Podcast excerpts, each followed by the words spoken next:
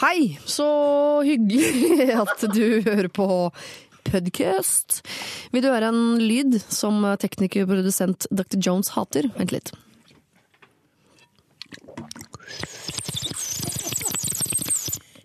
Jeg mener det høres ut som fuglekvitter. Andre syns det er veldig, veldig ekkelt. Jeg syns det høres ut som spytt i munn. Det er det det er.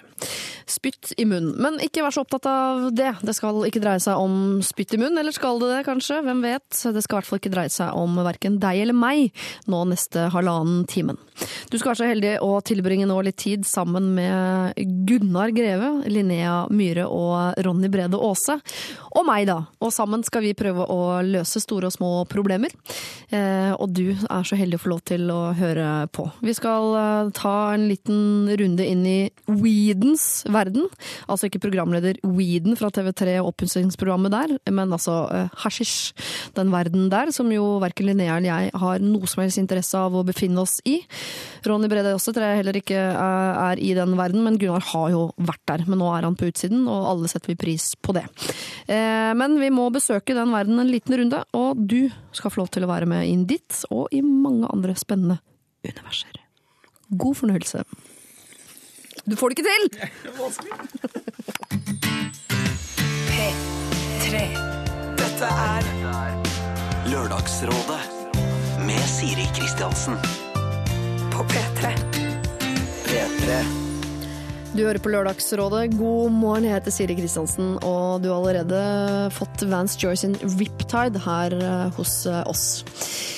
Man kan ikke velge hvem som er sine foreldre. Eh, Man kan ikke velge sin mor, man kan ikke velge sin eh, far, man kan ikke velge sine søsken. Man kan egentlig ikke velge sin fortid, men man kan velge sin fremtid. Noen lar seg veldig påvirke av eh, sine foreldre eller av sine søsken. Andre lar seg mer påvirke av eh, venner.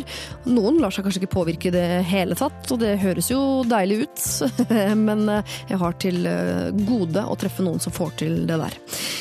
Personlig så må jeg si at min største påvirkning av hvem jeg har endt opp med å bli, det er trassen i meg. Jeg eh, sier som jeg har sagt før, at min grunnmur, altså selve liksom fundamentet i min personlighet, den er drevet av, av trass. Jeg kan nesten ikke svare på et eneste spørsmål jeg, eh, den dag i dag uten at jeg etterpå må spørre meg selv mener jeg det der, eller sier jeg det for å være trassig. Jeg har vært trassig siden den dagen eh, jeg kom til verden, vil jeg tro, og har alltid vært i opposisjon. Og det høres jo slitsomt ut, om ikke for meg, så i hvert fall for alle andre rundt. Men det har jo brakt meg et eller annet sted allikevel. Det vil si at jeg har tatt veldig mange valg kun for å velge noe annet enn mine venner, mine foreldre, mitt søsken og i det hele tatt. Og det var min måte å komme meg fram her i verden på. Din måte må du velge selv. Men hva når du føler at du må velge for noen andre? Har man muligheten til å påvirke andre i hvordan de skal velge å forme sin framtid? Det er vanskelig, det er vanskelig. Men vi må jo ikke gi opp. Vi må jo for all del eh, prøve. Og de som skal prøve i dag, det er Gunnar Greve, Linnea Myhre, Ronny Brede Aase og meg selv. Fra og med nå, om bare litt, og fram til klokken tolv.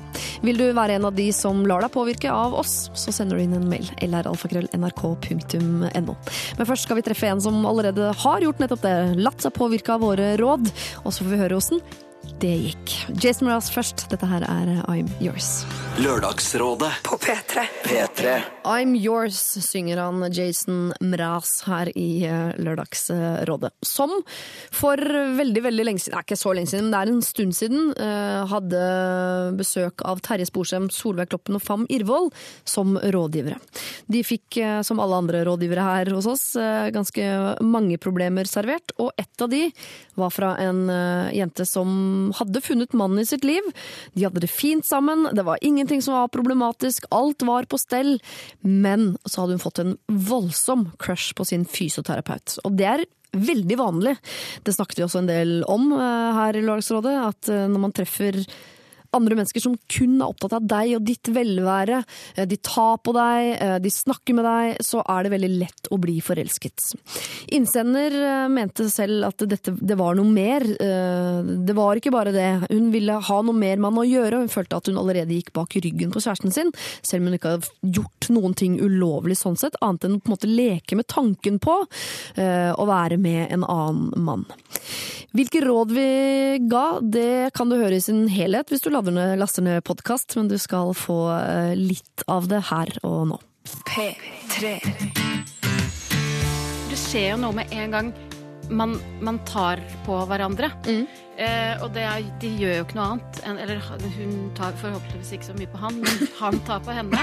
Og da føler man jo en Ja, og, og, og så har jo typen vært borte ganske Ja, lenge, så ja. hun er under den der på kroppskontakt. Absolutt. Altså, det her skjer jo folk gjennom hele livet. Ja, ja, det er helt Og nå har han vært borte lenge. Ja. Eh, med en gang han, han kommer tilbake, så er vel de tilbake på ja, for hun Samme. bør i hvert fall ikke gjøre noe før han er tilbake. Og hun må Nei. finne ut av det hun har. Ja, det er enig. Og det, som Fam sier, sånn, hvis man skal være sammen et helt liv, så, så skjer det jo på et eller annet tidspunkt at man blir litt betatt av eh, en annen. Dette er Lørdagsrådet På P3. P3.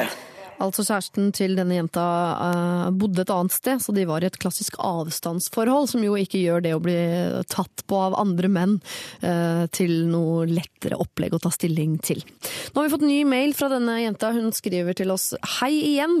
Jeg tok til meg rådene dere kom med, og jeg visste nok innerst inne hva som var det riktige å gjøre. Jeg valgte å satse på kjæresten. Et par uker etter siste behandling hos denne fysioterapeuten ble han så godt som glemt, og jeg forsto hvor dumt det hele var. Situasjonen tok derimot en ny vending nå for litt siden. Jeg reiste for å besøke kjæresten min, og eh, la alt av skoleeksamener og jobb på vent. Jeg gleder meg veldig, og syns det var verdt å ofre en stor del av eksamenlesninga mi for å se han igjen.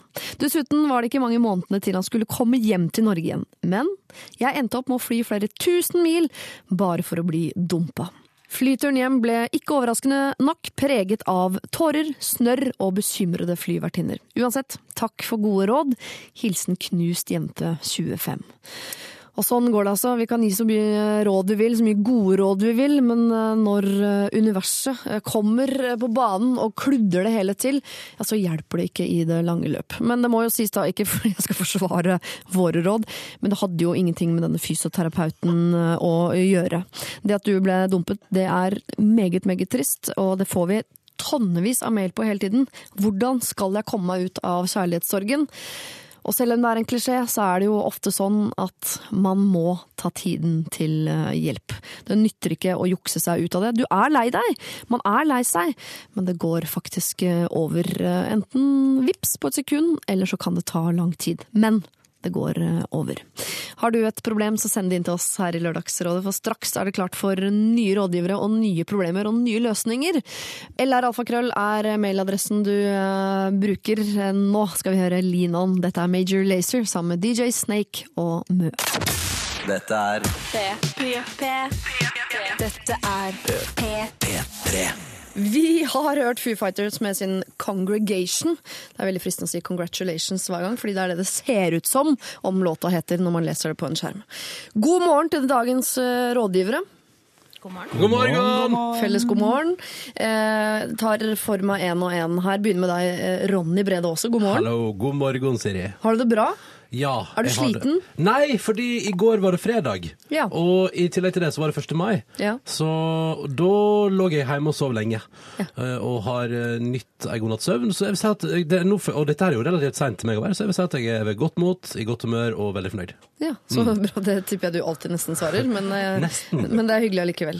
Gunnar Greve, god morgen. Du, Riktig god morgen til deg òg. Hvordan er livet for tiden? Helt fantastisk. Hva er det som er så fantastisk? Du, I går gikk jeg i tog fra morgen til kveld. Nei, det gjør du ikke. Hvilken parole i så fall gikk du under? Mer hiphop? Det var en løgn. Nei, det går veldig fint, altså. Travelt, men fint. Ja, som vanlig. Som Hos deg òg. Linnea Myhre, god morgen. God morgen. Hvordan er eh, Du er veldig stylet og fin i dag. Har du vært på Hautau-shoot? Jeg skal på trening, så da Er det sant? Nei, jeg må pynte meg litt. Ja. Ja. Altså, Farger du bryn for å jogge?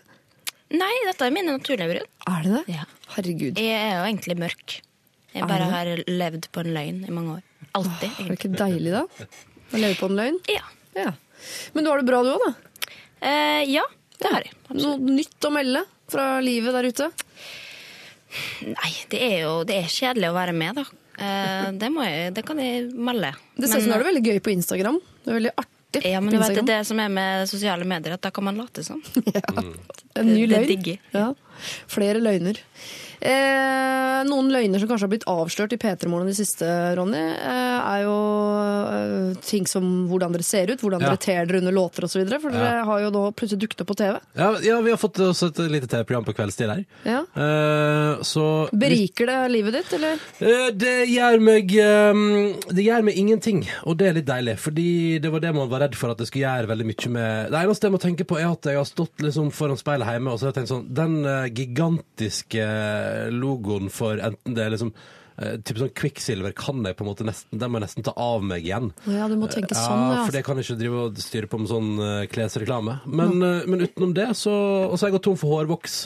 Og hadde Ja. angst for det denne veka. Men, men ellers så har det gått fint, altså, første veka på TV. Silje har sminka seg hele uka, ikke sant? Det tipper jeg hun ikke gjør vanligvis. hun påstår at hun, hun kjører uten ekstra forberedelser. Utenom at hun i premiereprogrammet på mandag hadde litt sånn hårtuster som sto rett opp. Og, Ja. og det ga henne såpass mye noia at hun er ganske hard på hårsprayen. Men, eh, Bra å få angst for sånt. ja, ja, men, men, men jeg syns det, det går greit. Det går fint. Så bra. Mm. Hadde du vært komfortabel med det, Gunnar? Å bli filmet sånn på jobb? Hver, På Ja, du gjør jo på en måte det da, når du går inn i Odol og sånn, men at de skulle fulgt deg sånn ellers? Jeg, vet, jeg er såpass glad i eksponering at jeg tror jeg synes det var helt greit. Ja. Litt sånn Truman Show. Nei, vet du det tror jeg kunne blitt for mye av det gode. Men, det er jo, men jeg har ikke sett dette TV-programmet. Er det liksom, er det, er det morgens sending som vises som kveld på TV? Ja, det er liksom Man tar tre timer morgenradio, så klipper man det ned til en liten halvtime på TV, og så blir det det. Mm. så da, og det funker ganske greit, altså, fordi vi legger ikke merke til at vi blir filma under sending, så det er jo som å ha vanlig radiosending. Og så Det er det de sier i Big Brother-huset òg. Ja, jeg tenkte ikke på det, vips, så ble det ligging. Jeg er fullt klar over at vi er på radio, da. Ja. Så, det, så det er et visst filter der, og det er jeg glad for. Så du kommer ikke til å ligge med Silje? Nei, det kommer nok ikke til å gjøre, nei. nei eller, eller dusje naken borti kroken der.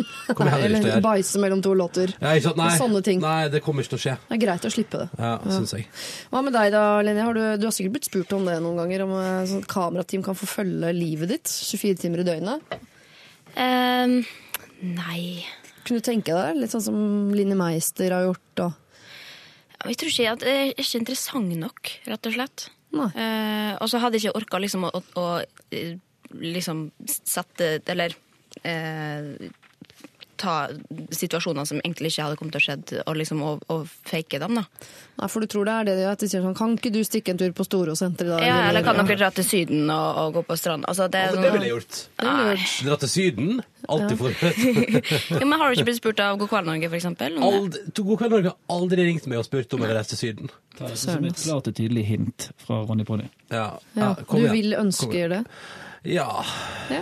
Hvor, hvor vil du helst reist? eh? Nei, altså um, Hvorfor ble meldte deg ikke på Wipeout? Så hadde Ja. du fått uh, Ja, for da får du reise til Argentina, altså. ja, jeg har ja, fått en hel Ja, ja, ja, uke ja. i Costa et eller annet. Ja, og Hvis du er med på Masterchef, så får du ei uke i København. Ja. Det er òg fristende, for det uh, har jeg lært er matbyen over andre matbyer. Ja. Eh, men nei, veldig, jeg syns det er for lite folk som ringer meg og spør om jeg har lyst til å reise på ting. Ja. Så mer av det. Uansett hvor, Har du vært med på Firestjerners reise, Gunnar? Åh, Never forget. Helt riktig. Hvor var det det kunne jeg vært med på! Helt riktig. Du, det var i Toskana, og da var jeg med Aisha og uh, eh, Arif. Og Margaret Berger. Oh, Det herregud, var så en koselig. Det er gjeng på tur, ass! Det var gjeng på tur. Men da går man på restaurant.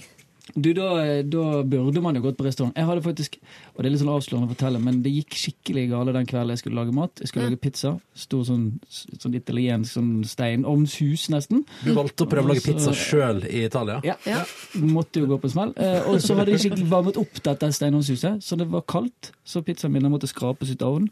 Så den pizzaen man så i det programmet, den kjøpte vi på nærmeste pizzabakeri. Yeah. Det tok også to timer før han kom, så de andre deltakerne var ganske fulle når den først ble servert. Det er godt å høre at det er flere som lever på en løgn. Ja, det er mye ljuging som blir avslørt her eh, nå. Deilig. Ja, ja. Det er deilig. Dere, nå må dere være helt ærlige, for vi skal ta en runde på sivil status. Um, vi begynner med deg, Linnea. Eh, kjæreste på ett og et halvt år. Ja, Ja, så det er ny rekord. Så utrolig koselig. Men er dere ikke veldig mye borte fra hverandre? Er det ikke nesten som et avstandsforhold?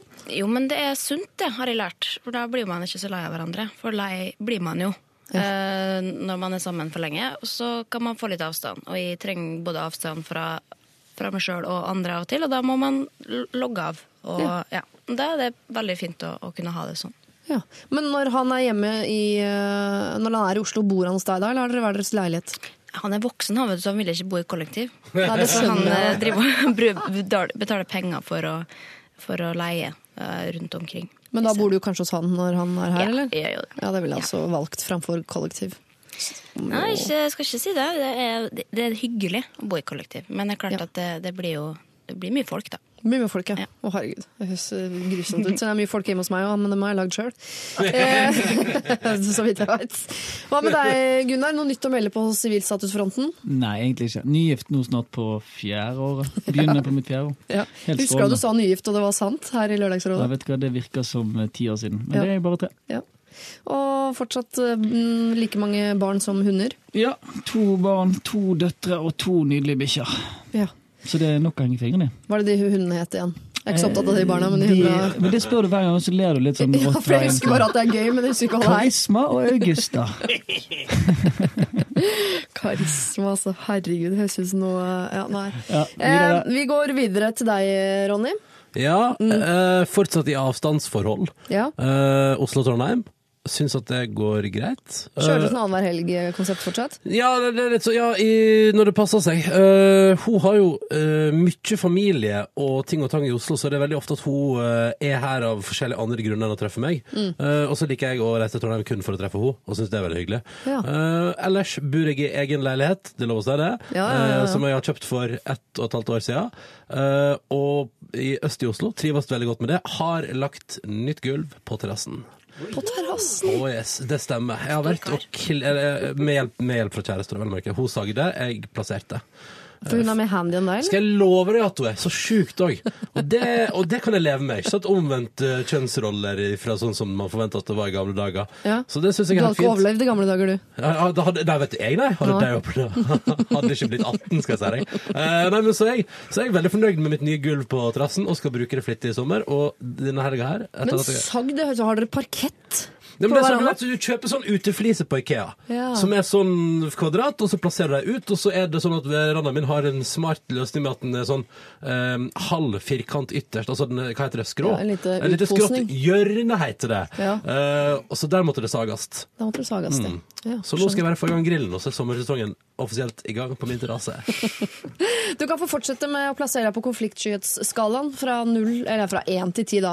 Ja. Hvorav én er veldig lite konfliktsky, og ti er veldig mye. Jeg har, dette har jeg hørt på og fundert på. Jeg har alltid tenkt at ti er da du er sånn super Og du går du inn i konflikt, men det er omvendt, sant? Ja. Når det er ti, så er det Jeg vil si at jeg plasserer meg godt på en åtter.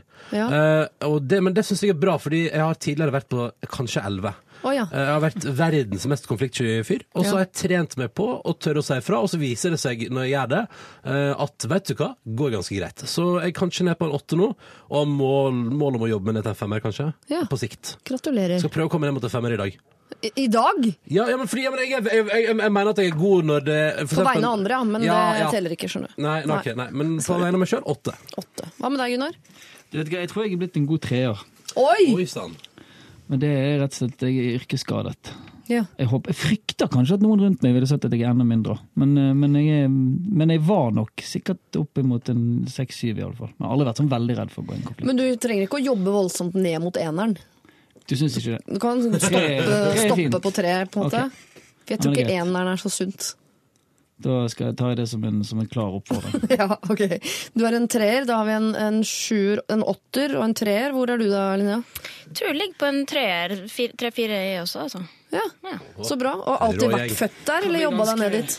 Kan bli interessant, det der. kan bli interessant. Vi snakker, vi snakker veldig mye om alle tanker og, og, og følelser Ja. eh, med alle, men det er jo jeg har ikke, det er ikke så mye konflikter i livet mitt, da, og det er jo ganske ubehagelig. Jeg vet ikke hvordan det på en måte hadde vært hvis det var veldig mye av det.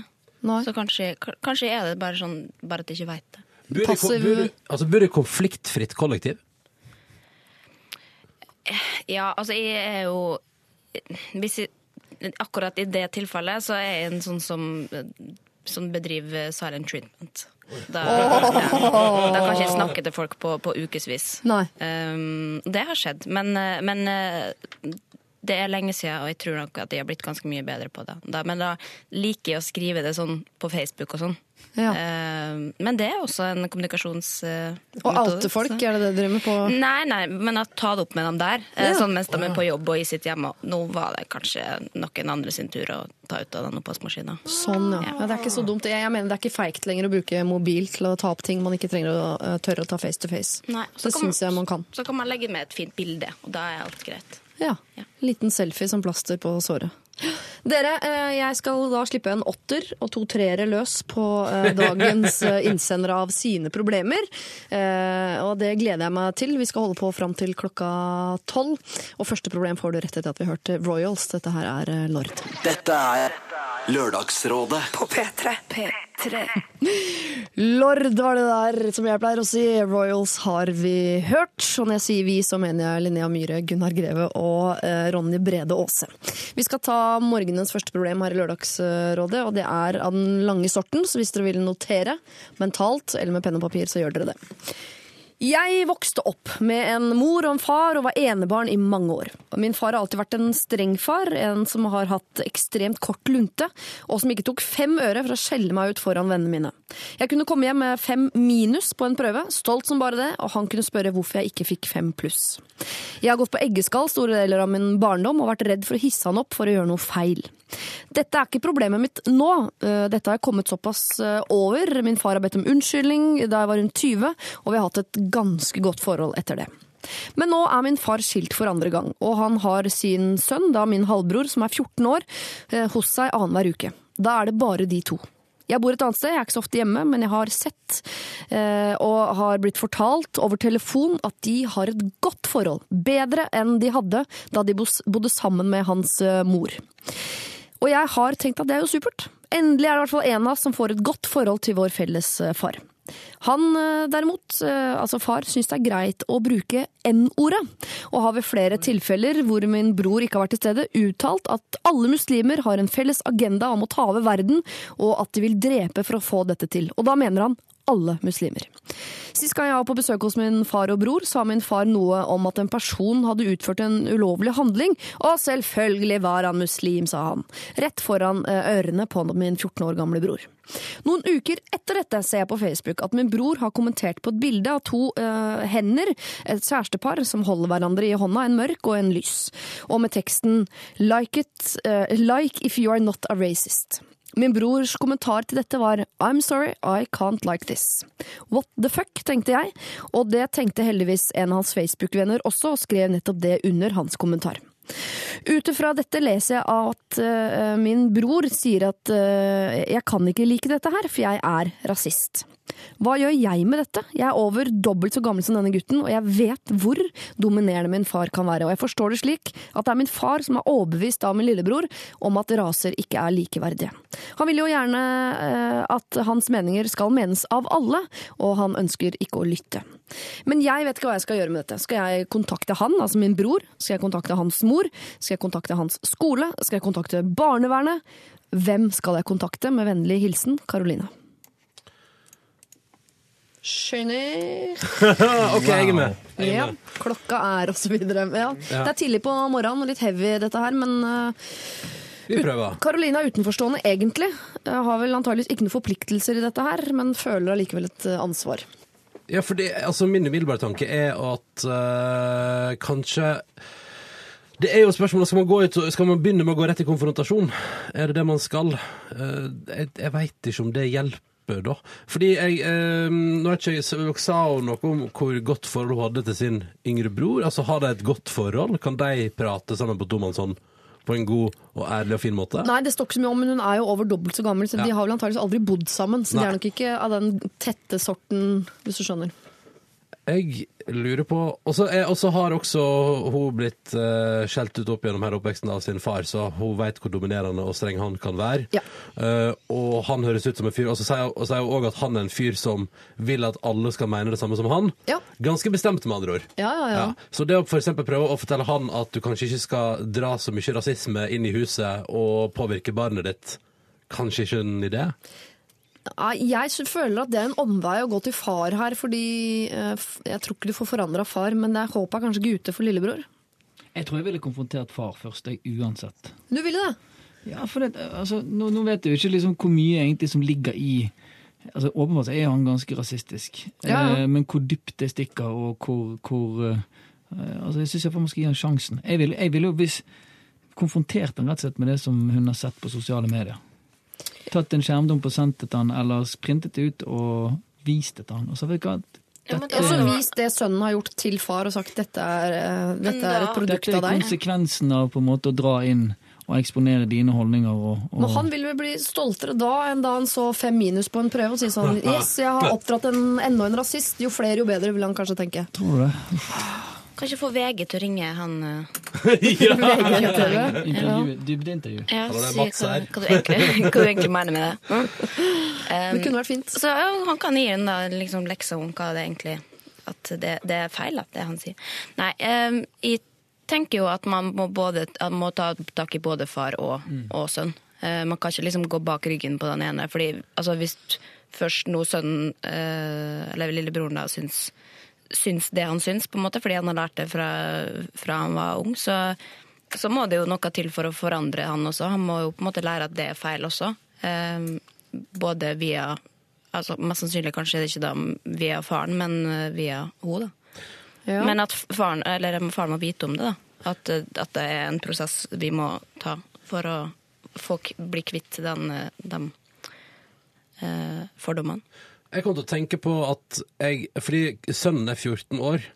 Og jeg blir umiddelbart litt sånn Når du er 14 år, er ikke du litt for gammel til å synes det samme som foreldre? Er ikke det da du ikke syns det samme som foreldrene dine? Så jeg begynner å lure på sånn, er det, er det kan, altså, Tror dere det er, er det årelang påvirkning fra far, eller er det liksom, eller er det miljøet, dette her? Jeg begynner å lure på om det kanskje Eller sånn, det her, fordi det er jo bare en umiddelbar tanke fra innsender her, at det er faren som har påvirka sønnen. Ja. Eh, Men kan det ha oppstått en annen plass, og vil det kanskje altså, jeg, jeg begynner å lure på om For det er snakk om konfrontasjon av begge to. Jeg lurer på om jeg heller ville i neste sånn selskapelighet eller møte eller grunn til å treffes, så det kanskje heller spurt 14-åringen, som jo strengt tatt Altså når du er 14, så er du iallfall i ferd med å bli et tenkende menneske, tenker jeg da. Eh, Og så ville jeg da spurt sånn Hva mente du med det? Hvorfor uh, syns du ikke at uh, forskjellige raser kan være kjærester? Eller være sammen, eller være venner? Uh, hvorfor, hvorfor har du Hvorfor kunne ikke du like dette på Facebook? Og så uh, hørt hva denne 14-åringen sier. Og så ta den, en, en, en diskusjon på det. Og hvis du merker at det er helt sånn fucka holdninger, så må du jo rett og slett bare konfrontere på det, Ja, tenker for jeg. tenker, altså, Rasisme handler jo nesten alltid om uh, frykt og uvitenhet. Eh, så om vi fjerner frykten, eller og vi må fjerne uvitenheten. Men når man er 14 år er man så utrolig bastant i meningene sine, men det også er jo i mangel på å være nyansert. Så jeg tenker at her er det bare noe denne lillebroren mangler. Og kan Karoline på en eller annen måte demme opp for den mangelen. Altså, det beste hun kan gjøre, er å sørge for at han får noen gode uh, rollemodeller, eller mindre frykt, eller mer kunnskap, eller Jeg tenker at hun kan bidra med noe sånn direkte Eller inn en mot han. annen fiende. Hun må være motvekt. Ja. Hun må være motvekt der. Ja. Og jeg tror det konfrontasjon er, er på en måte løsningen uansett. Jeg mener at først far, og så, så bror. Uh, fordi at og så Jeg er jo enig med deg, Ronny. Det- Man er jo liksom 14 år gammel, så skal man egentlig kan, Jeg var iallfall absurd i opposisjon til mine foreldre og alltid Ja. mente og syntes. Men samtidig er jo det veldig individuelt betinget. Han kan, hvis han har en ekstremt overkjørende og veldig bastant og altså nesten til og med litt sånn aggressiv, virker det som, iallfall passiv-aggressiv far, Ja. være ganske preget av og indoktrinert av hans holdninger. Hvis han liksom skriker og hyler eh, rasistiske bemerkninger omtrent eh, når som helst og hvor som helst, så, så kan han helt åpenbart være eh, ganske innprentet i det. Så jeg, jeg ville tatt, jeg ville snakket med, med far først, og så ville jeg tatt det med bror. Ja. Og så tenker jeg også at dette er i hvert fall en far som det er vanskelig å få kjærlighet av, vanskelig å bli sett av. Så jeg tenker i desperasjon der så kan man vel gå ganske langt i sine meninger eh, for å få far stolt. Ja, på en eller annen måte. Så han er ute etter å imponere faren sin. Men da må, jo, ja, da må jo hun virkelig på en måte fortelle kanskje han også om eh, sitt forhold til faren. Da. At eh, i min opp, eller da jeg vokste opp, så hadde ikke vi sånn supergodt forhold eh, fordi han var sånn som han var, og som han fortsatt er. Jeg har ikke lyst til at du skal på en måte la det påvirke sånn som kanskje jeg gjorde, fordi det var kjedelig, eller det var tøft for meg. Ja. Eh, Sjøl om det selvfølgelig går over. Men, men hun sa jo også at, at han hadde jo unnskyldt når hun var over 20. Så han må jo ha et eller annet der inne som på en måte ja, som han har lyst til å, å være en god far også, da. Men han er jo ikke en god far ved å være, lære rasistiske holdninger til sin unge sønn. Får sånn umiddelbart følelsen av at dette kanskje er en heim der uh, sinnet går i rasismen. Altså at eh, kanskje rasismen er først og fremst en plass der man sender alle Legger alt- frustrasjonen legger liksom. frustrasjonen sin, Ja. og at det er kanskje det denne 14-åringen er opplært til, denne broren. Så jeg kjenner at jeg mer og mer heier på at uh, hun bør rett og slett bare jeg tror liksom en, bare en god samtale Ja. eh, med denne 14 år gamle kiden, og bare fortelle litt om hvordan verden fungerer, da. Trassig som jeg er, så hadde jeg jo fått meg eh, fire kjærester. En fra hvert av de andre kontinentene, bortsett fra det vi lever på selv. To, to jenter og to gutter. Oh. Dratt på hyttetur i en måned og tvunget broren min til å bli med. Sånn, Åh. du blir her til du elsker det! Hadde jeg Såpass trassig er jeg at jeg ville kanskje ha uh, smelt i gang noe sånt. Ja, Det- Problem solved! Film det, uh, gi det ut. Men Karoline tror jeg i hvert fall hennes viktigste oppgave er jo å være en motvekt til far. Og da, uh, da syns jeg hun må påvirke broren sin som best hun kan. Med kunnskap eller å å time seg opp, da. Altså, du trenger ikke å være Jeg har alltid vært redd for min pappa, det trenger ikke du. Vi kan stå i dette sammen. eh, Og prøve å liksom rive denne faren ned fra den pidestallen han står på. Da. Han slipper å drive og please faren sin og føle at han er aleine Kan han ikke please, da? Kan han ha et helt sånn kongeforhold. Ja. Ja, og da er jo taktikken med å gå inn med liksom å, sam å skape en allianse mot far, er jo da livsfarlig. For det kan jo bare støte henne lenger ifra han. Jeg ville, Ja, jeg ville, så jeg ville, altså. jeg ville gått rett til sakens kjerne, da. Og bare, og bare, så bare ved hjelp av samtale eh, lufta og kjent litt på hvor, hvor ligger dette her egentlig? Hvor ligger den rasismen? Er det noe du har lært deg i oppveksten, eller er det noe du faktisk mener? Hvorfor mener du det i så fall? Ja. Og liksom eh, kjent litt på det der. Og så kan man eventuelt da se om kanskje man skal skape en allianse mot far, eller fortelle hvordan far egentlig er. Men jeg tror, jeg tror i utgangspunktet høres det ut som det lureste der kan være å, å kjenne litt på, altså lufte det litt, og bare kjenne litt på hva, hva ligger egentlig bak rasismen. Ja, og da eh, må i hvert fall Karoline sørge for at hun har alle argumentene hun trenger for å kunne eh, plassere skapet, både i forhold til broren sin, men også faren, hvis hun involverer han i dette. Karoline, du hører kanskje at vi nærer verken har nevnt barnevernet eller skolen her. Vi har ikke sett på det som alternativer. Det bare føles litt rart at du som søster skal gjøre det, med mindre du har, er bekymret for broren din om at det er en slags sånn psykisk overgrep din far driver med her. For da er det all grunn til å sende inn en bekymringsmelding. Hvis ikke det er det, så må du gå i konfrontasjon. Det nevnes her at du både kan gå rett på bror, eller at du også kan gå via far først. Eller kanskje du til og med skal samle dem, hvis du har eh, ballene til det. Da, hilsen meg, da er du tøff. Men det viktigste du gjør, er å være en motvekt til den far i dette, og gi din eh, bror eh, noen, en litt god påvirkning. Han er 14 år, det er ikke for seint å redde han.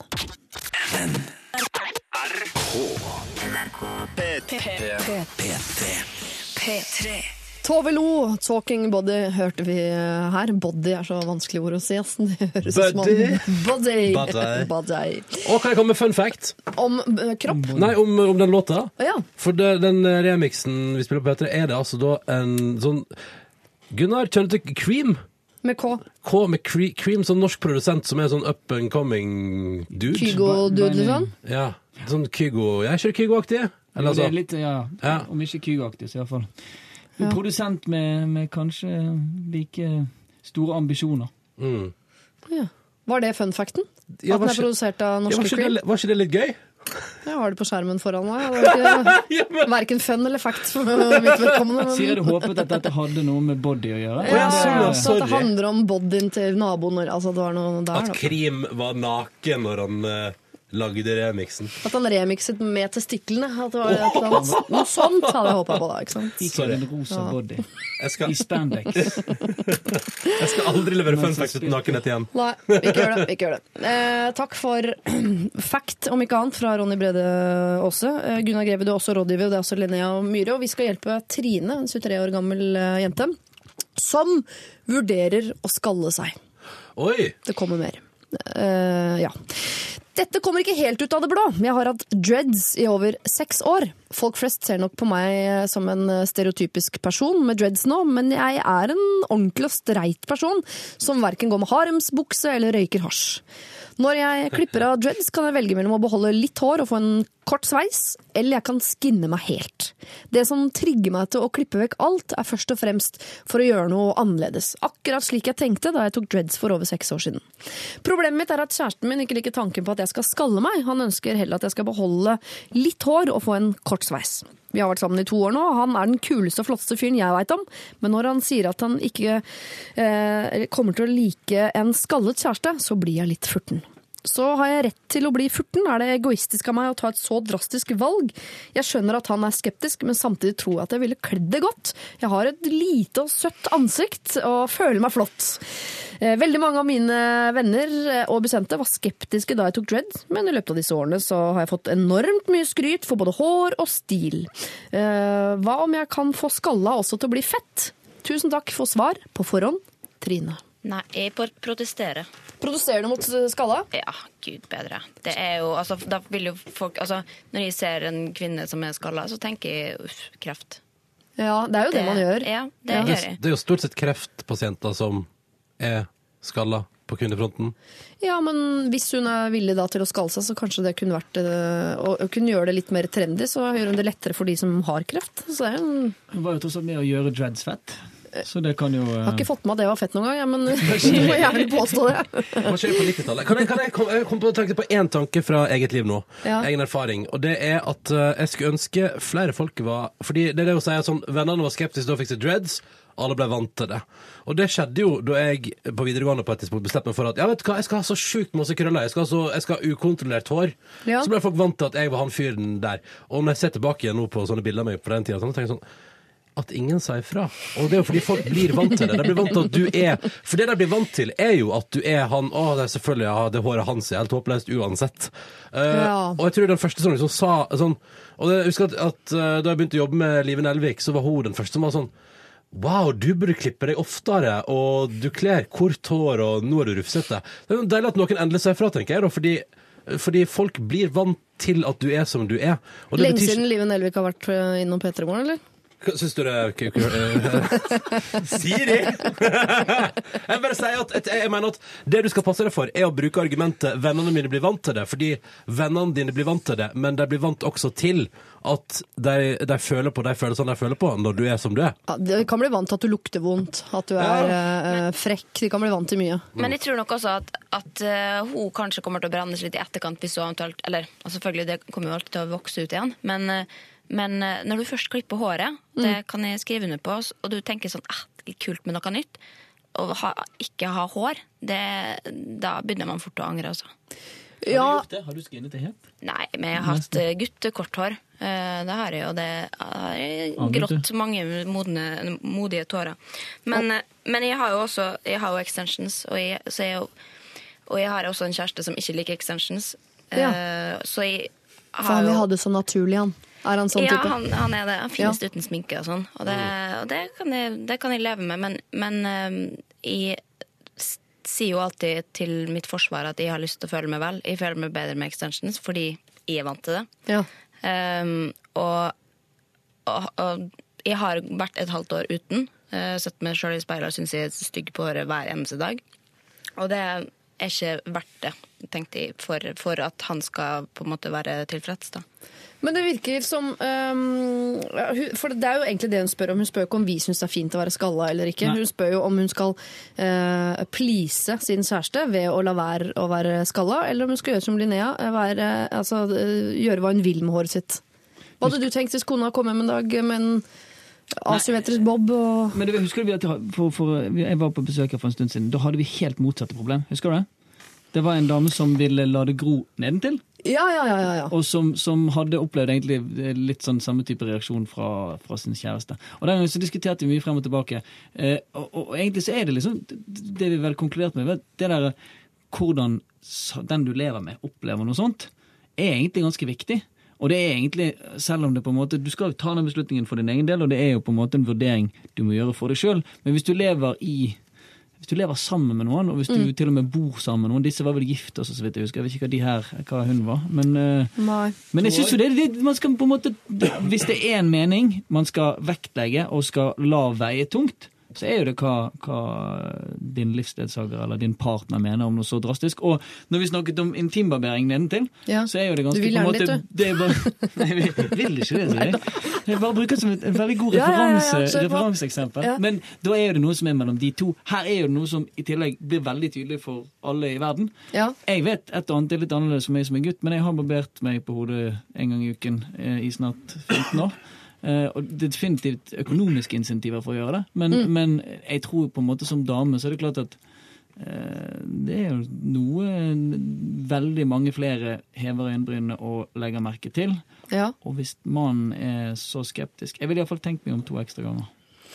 Ja, og det gjør hun jo i det at hun sender en mail til oss i Lørdagsrådet. Eh, Men jeg, bare, jeg liker så godt liksom tanken på at hvis, hvis jeg er komfortabel med dette, og jeg er en av veldig, veldig få, så liker jeg tanken på at hun skal, at hun skal gjøre det. Nemlig for at det da skal være mindre tabubelagt at andre gjør det. da. At det plutselig skal bli litt mer vanlig at en eh, kvinne ikke har hår, f.eks. Ja, så det er så men- fint Hvis hun er villig til å slå det slaget, så er det bra at hun gjør Jo, det. men For å støtte da eventuelt folk med, med, med kreft? Ja, og det er jo ikke det hun sier at hun vil. Nei, det, hun det er nevner det jo ikke engang, så jeg da. tror ikke det er det som er hensikten hans. Hun vil jo bare gjøre et eller annet rebelsk, og Ja. virker jo kanskje som en litt sånn type. Men jeg er jo litt uenig med meg sjøl, for jeg, altså, jeg blir jo pottesur hver gang Sondre klipper seg litt for kort. Eh, Ja. da, vil jeg, altså, da klager jeg på den hver gang jeg ser den, Ja. eh, til, til er vokst ut igjen.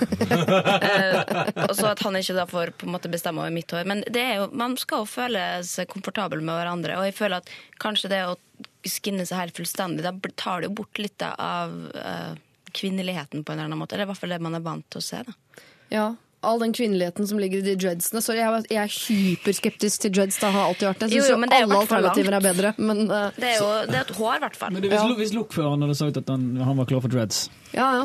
bare, hadde, du, da- hadde du satt ned foten? Hadde det blitt veto? Da sa jeg på neste togtur så har du foten av bremsen. For det sånn. Det kommer du ikke hjem hit med. Men, men men helt fordi- alvorlig, dreads det er Men jeg, det, jeg kan si positivt om dreads, da. Dette har jeg øvd på. Nei, nå tuller jeg. det, ligger jo ved masse personlighet i dreads, og hun var en, en dreads-jente når de traff hverandre. Og det Mm. betyr ikke at hun må ha dreads herfra ut, det anbefaler jeg ingen. Men uh, det er veldig er drastisk å gå til Dette var det positive, jeg er mest positive jeg kan si om dreads. Det er veldig drastisk å gå til det å være skalla. Mm. Og jeg tror ikke noe på at det er så viktig for henne å være skalla. Jeg tror mye av det at hun vil være skalla, er fordi hun, hun vil gjøre som hun vil. Ja. Jeg tror det er mye av det som ligger der, da. Og jeg er veldig for at man skal gjøre som man vil, men så stiller jeg spørsmålet. La oss si ytterste konsekvens. Din kjæreste sier Vet du, jeg syns ikke det er noe eh, hyggelig at du gjør det, kan du være så snill for min skyld og, eh, og sånn. Ikke gjør det. Så kan du diskutere hva er, mest, hva er viktigst. Å få lov til å være skalla for å kunne state at du kan gjøre hva du vil, eller å ha et forhold du trives i videre. Jeg er enig i det, men et eller annet sted må en grense gå også. For det argumentet, hvis du svarer eh, at, eh, på det argumentet med at du må gjøre det som pleaser kjæresten din, så er det en litt farlig vei å gå hvis det ikke står et stoppskilt der en eller annen, på et eller annet sted. Hva med det gode kompromisset? Altså, Ja. Det høres kanskje ut som en litt kompromissløs eh, dame, men, men hva med at Nå vet ikke jeg om hun har dreads per nå, men, men hva med at hun liksom finner en mellomvariant, og så ser hvordan hun trives med det? Det finnes jo Mm. mange fine, korte frisyrer eh, som mange kvinner har som, som ikke er på en måte Ja, men du Sånn må ta, hvis hun skal ta av dreadsen, så kan du ikke da må, altså Enten så er det jo bitte, bitte lite grann hår, eller så er det ingenting. Du kan jo ikke på en måte få halvlangt dreadshår. Eller du kan jo det, men hvis hun først skal kvitte seg med dreadsa, så er det jo Så for, det er det alt av eller ingenting, da? Ja. Nei, hun nei, kan, nei, kan hun ha kan ha kort. kort, eh, kort, kort sveis, men jeg lurer på om Jeg syns ikke sånn pigg på jenter er spesielt mye vakrere enn skalla. Så Men det er mindre oppsiktsvekkende, på et vis. Du er med på den? Altså det er mindre, Hvis du, hvis du på en måte bruker referansen Linnea hadde i forhold til at folk tenker på kreft Altså det å barbere, glattbarbere hodet sitt Ja. kontra å ha kort hår, det er to forskjellige ting, sånn statement-messig, ikke? men er det så farlig om folk tror hun har kreft? da? Nei! Jeg sier ikke at det er farlig. Da, Vet du, jeg trodde du skulle si inngå et kompromiss, at hun kan få glattbarbere seg helt nedentil. Og så kan At vi skulle dit igjen. Det er du som Men- vil dit! Det er du som vil dit! Jeg tenkte ikke tanken engang før du begynte. Oh, oi. Men uh, klippa, hun kan jo klippe av dreadsene først, se hvor mye frisyre hun får ut av det som er igjen. Og hvis ikke det er fint, så Det er i hvert fall lettere å gå den veien enn å gå andre veien.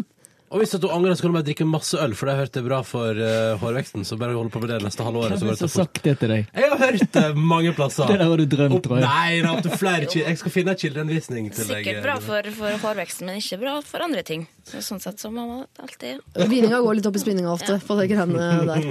Men hva er vi, har vi blitt enige om nå til Trine? At hun skal fjerne dreadsene? Har jeg, det har jeg bare lagt inn som altså, Det må hun gjøre.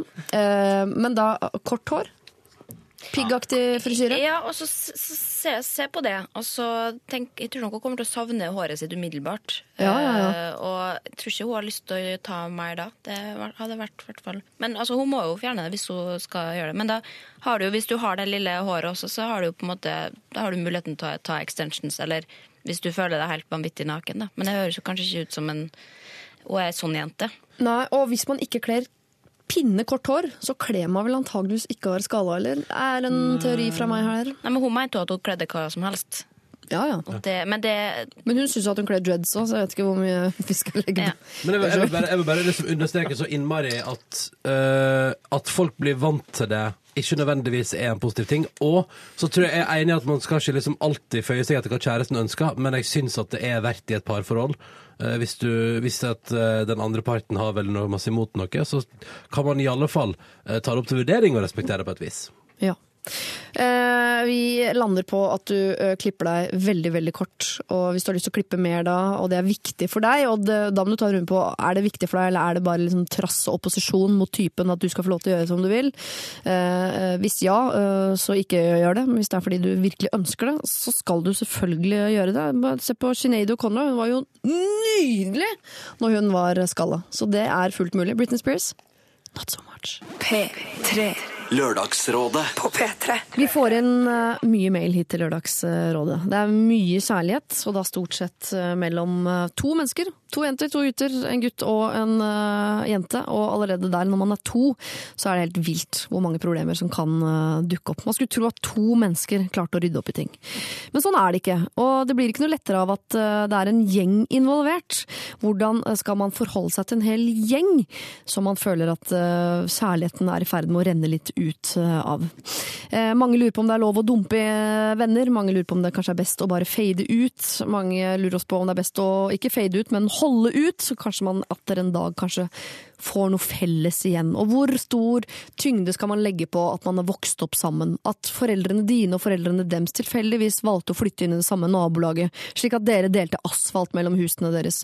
Som om det er noe lim i asfalt, spør du meg. Det er eh, mye rare hensyn man skal ta opp gjennom i eh, livet, og det er fint at man ikke bare tar hensyn til seg og sitt, at man tar hensyn til en litt større eh, helhet. At man tenker litt på gjengen, hva det betyr, fortida, framtida, nåtida, alle de tingene der. Det er fint at man stopper opp i det og tenker litt. Men så på et eller annet tidspunkt må man ta et valg hvis ting begynner å bli vanskelig. Og det valget skal vi hjelpe til med her i Lørdagsrådet i dag. For det er aldri noe gøy å ta valg alene. Det er så deilig da å outsource valgene i livet sitt. Og det er der Lørdagsrådet kommer litt inn i bildet, rett og slett. Dagens rådgivere skal hjelpe Guro å ta et av sine livsvalg, rett og slett eh, nå hvert øyeblikk. Men først så hører vi Muse. Dette her er eh, Newborn. Dette er Dette er P3. Pow Pow Alpha Waves var det der. Waves, og følge Muse Newborn. Eh, Du hører på Lørdagsrådet. Hvis du vil nå oss, så har du all muligheten til det. Mail er å foretrekke. eller alfakrøll.nrk.no. Her sitter jeg i dag sammen med Linnea Myhre, Gunnar Greve og Ronny Brede Aase. Og eh, så langt i dag har vi bare hjulpet jenter. Er, sånn blir det noen ganger. Jeg tror eh, For en uke siden var det nesten bare gutter. Så langt er det bare jenter i dag. Vi skal treffe Guro. Hei, kjære Lørdagsrådet. Vi er en stor vennegjeng som har holdt sammen siden ungdomsskolen, dvs. Si ca. ti år. Det betyr mye for meg, eh, og det betyr mye for alle sammen, men nå begynner ting å skli litt ut av min komfortsone. Det som er, er at det blir mer og mer vanlig for de aller fleste å ta seg en joint når alle er samla. Før var det et par som gjorde det en gang iblant, men nå skjer det oftere og oftere, og flere og flere. Det har blitt så ofte at jeg gruer meg til sosiale sammenkomster. Dette er eh, alle folk med bra jobber, så at det skal skje i slutten av 20-årene er helt uforståelig for meg. Jeg har vært singel lenge, og nå har jeg endelig truffet en gutt jeg er veldig interessert i. Alt jeg fikk av respons fra vennene mine, var at hvis han ikke røyka weed, så burde jeg ikke satse på han. Dette er jo helt sykt! Men nå kommer det enkle spørsmålet. Skal jeg bryte ut av hele vennegjengen? Dette er mennesker som betyr mye for meg. Jeg har mange andre venner også, men dette er jo mange av de som har stått meg nærmest i mange år. Så det å bryte kontakten helt med en føles veldig feil. Jeg har egentlig lyst til å flytte til en helt annen by. Er det mulig i midten av 20-årene å få seg et bra nettverk i en ny by? Han jeg driver med bor i en by jeg godt kunne tenke meg, tenke meg å flytte til. Jeg har også andre venner som bor der, men jeg er så redd for å bli sittende uten noen gode, nære venner. Og det kan nevnes at jeg har en bra jobb som jeg trives godt i her jeg bor nå, men det er heller ikke veldig vanskelig å få tilsvarende jobb i annen by, altså. Hva skal jeg gjøre? Bryte kontakten helt, flytte til en ny by og begynne helt på nytt? Hjelp! Hilsen rådvill Guro. Fra dreads til weed, dere. Temasending. Vi er litt der på temaet, ja. Ja. Så får du oss bryt dere. umiddelbart, tenker jeg. Jeg er jo den øh, oppfatning at jeg, altså jeg er så imot det. At hvis, og jeg har skjedd med mange i tilfeller at når mine barn har prøvd det, så har jeg tatt fullstendig avstand og brøt det. Og det er jo fullt mulig, om det så er gammel venninne eller ny venninne. Eller Ja. kompis. Jeg mener at uh, det som er avgjørende Jeg tenker sånn, Folk får styre seg sjøl, og det er helt uh, Det får de bare gjøre. Men idet man uh, syns at du ikke skal satse på en kjæreste som ikke Hvis han ikke røyker weed, da begynner vi å snakke Da er det et eller annet interessant der. Er Jeg ville, jeg ville før jeg brøt ut, sett på liksom, hva, er, hva er det som er kjernen til problemet. Er det en som alltid liksom drar i gang ei viss stemning når dere treffes? Mm. liksom, er det liksom et sånn, ikke sort får, men altså en som liksom er sånn utrolig sånn drivkraft på det der, som har fått en utrolig hang-up, liksom. For det, det, kan, det kan jo være at liksom midt i 20-åra så har liksom bare én gjeng blitt sånn Herregud, jeg har ikke prøvd eh, altså eh, hasj? Har ikke ah, det er jævlig fett, altså. Skulle vi begynt å gjøre det hele tida? Og så er det liksom det, eneste hjernen er satt opp på. På samme måte som at noen kan få en sånn ekstrem lidenskap for pale ale i midten av 20-åra. Så, så tenker jeg sånn, kanskje det er problemet. Videre så vil jeg bare si at eh, det å flytte til en ny by, hvis du har et par kontakter, eh, og kanskje til og med potensielt kjæreste, så Og potensielt ny jobb. så vil jeg bare si at eh, jeg har flytta til en ny by, eh, der jeg i utgangspunktet ikke hadde så mange venner eh, som i den forrige bodde. Elsker det. Eh, og så viser det seg at eh, nye venner eh, kan bli veldig gode venner, og at det er de du til enhver tid henger mest med, du setter mest pris på. Så det er umiddelbart så vil jeg det er liksom Vi tror ikke bryte, ikke noe stort nummer ut av det, men hei, kanskje det er på tide at du finner noen nye eventyr å drive på med? Ja. Hvordan ville det vært for deg Gunnar, å bryte med alle som røyka weed? Det hadde jo nesten vært litt- antageligvis vanskelig for en Da måtte det definitivt blitt en ny by. ja, en ny bransje. Ny... nytt, bra, ny bransje. Vet du hva, jeg, må jo, jeg har jo sånn eh, skummel fortid med rusmidler. Eh, det er vel, har vært ganske offentlig ganske lenge. Altså, jeg har røykt hasj jeg, i, i ganske mye, til og med. Ja. Ehm, og kjenner mange som gjør det, og kjenner mange som har gjort det og sluttet med å gjøre det. For det første syns jeg det er helt absurd å høre at en vennegjeng sier at vet du hva, han er ikke OK, eller han er ikke godkjent med mindre han syns det er fett å røyke weed. Det synes jeg det var det, det, Og det høres veldig sykt ut. Jeg heier egentlig litt på teorien til Ronny. At, at, det kan det være i alle fall at det finnes ett eller kan, Det kan være til og med et par elementer i den gjengen. For at man kan bli, og jeg har sjøl opplevd å være det, og, og vært i nærheten av, av andre som er det, at man blir en sånn unødvendig tydelig og klar eksponent for at dette er dritkult, Ja. og dette er this is the shit. Og spesielt når du er liksom i, i en sånn sårbar periode i 20-årene hvor du egentlig egentlig mest av alt leter etter eh, hvem du faktisk er. Ja. Um, og så er jeg også sånn, litt opptatt av å si at man må ikke liksom Altså Man må ikke avfeie noen som undermennesker eller failures fordi at de røyker hasj. Eh, Oh, eller fordi at de gjør andre ting som kanskje ikke er bra for kroppen sin. Og jeg er ikke noen tilhenger eller forkjemper for legalisering, snarere tvert imot. Men jeg er heller ingen, eh, ingen forkjemper for, for alkoholisme og Eller alt det som alkohol gjør med, med menneskene, kroppene rundt oss og skjebnene. Eh, så det der, vet du hva, det er et kjempevanskelig problem. Men først av alt så vil jeg kanskje godt er eh, kanskje symptomet på problemet, og ikke selve problemet. Det er en, et, en eller noen i den vennegjengen din som ikke er bra for, Ja. for, Ja. for energien og, og kjemien i hele gjengen. Og det at de stiller krav til han som ny eventuelt kjæreste, da, eh, er jo på en måte bare med å forsterke den følelsen av at dette kanskje ikke er folk du har noe eller så innmari mye til felles med lenger, og det skjer jo. Eh, Man har jo gjerne lyst til å holde på det man hadde på, på ungdomsskole eller videregående og sånn, men, men veldig sjelden så, så lar det seg gjøre, altså, fordi man, Mm. man, blir, man blir andre mennesker, og man finner andre ulike interesser. Jeg har alltid vært veldig misunnelig på de som i godt voksen alder kan eh, eh, si at de har venner som har fulgt dem siden barnehagen. Så Det er sjelden jeg møter folk som har det sånn, kanskje oftere gutter enn jenter. Eh, men det kan jeg være litt misunnelig på, samtidig som det er ganske sjelden vare at de du henger med i ungdomstida, er de du henger med livet ut.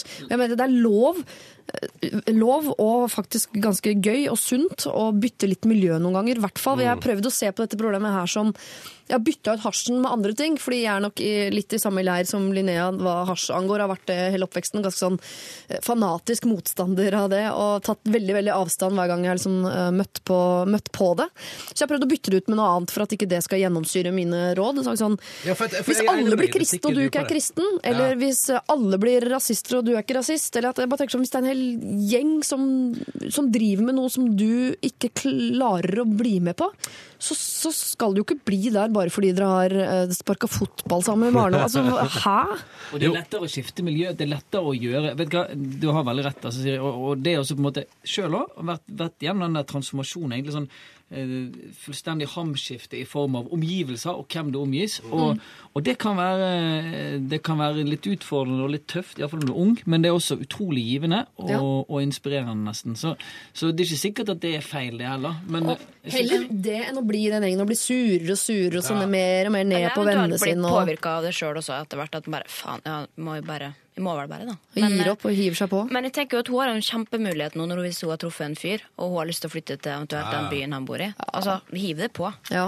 Men du trenger vel ikke å liksom som Det var vel du som sa det, Gunnar, tidlig her, at trenger ikke å bryte opp så innmari og lage noe sånn stort nummer ut av sånn Nei, nå, vi ikke, nå skal ikke vi være lenger. Så jeg tenker sånn, På et eller annet tidspunkt så kan jo alle disse denne weed-gjengen kan jo blomstre opp og bli små Gunnar Grever, liksom. Hele gjengen. Og det er litt dumt. Ingenting hadde vært verre enn akkurat det. En gjeng med grever. Men, men hør da, altså, for som liksom en treer på, på konfliktskjetsskalaen, så vil jeg påstå at hvis dette er venner du, det- Hun definerer det veldig klart som venneflokken og vennegjengen. Hvis det er det, og, og det i tillegg til og med er folk du har vokst opp med, så syns jeg det er verdt eh, runden å sette seg ned med de, eh, en eller flere, og liksom lufte dette og si at vet du hva, jeg syns det, synes det er jævla kjipt at dere mener at jeg at, ikke, at han ikke er bra nok for oss eller for dere. fordi at han, altså rett og slett Ta det opp med de, spørre dem hva, hvor, hvordan i verden kan dere mene noe sånt?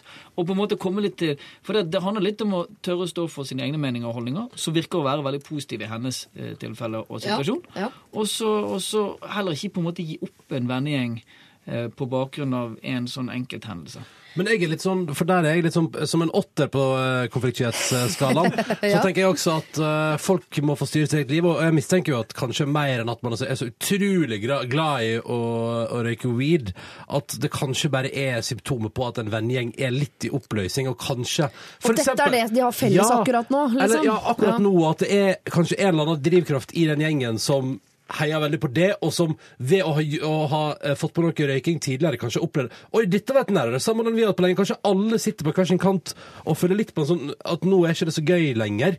Eh, og så kan det faktisk hende at man bare skal la det gli litt av gårde, fordi man trenger ikke nødvendigvis å gå i konfrontasjon. Man kan Nei. bare for sin egen del sånn jeg vet hva, Akkurat i dag står det over, og så oppsøker jeg heller han eh, potensielle nye kjæresten og kanskje et nytt miljø, da, fordi jeg tror at det er like greit, og du styrer ditt liv og trenger ikke nødvendigvis å konfrontere og skape dårlig stemning. Fordi det kan, jeg, tror- jeg tror ikke at det er selve liksom weed-røykinga som er problemet her, egentlig. Jeg tror at det er jeg, jeg tror det, er- jeg tror det er vennegjengen som er i oppløsning, og at det er en slags, et slags plaster.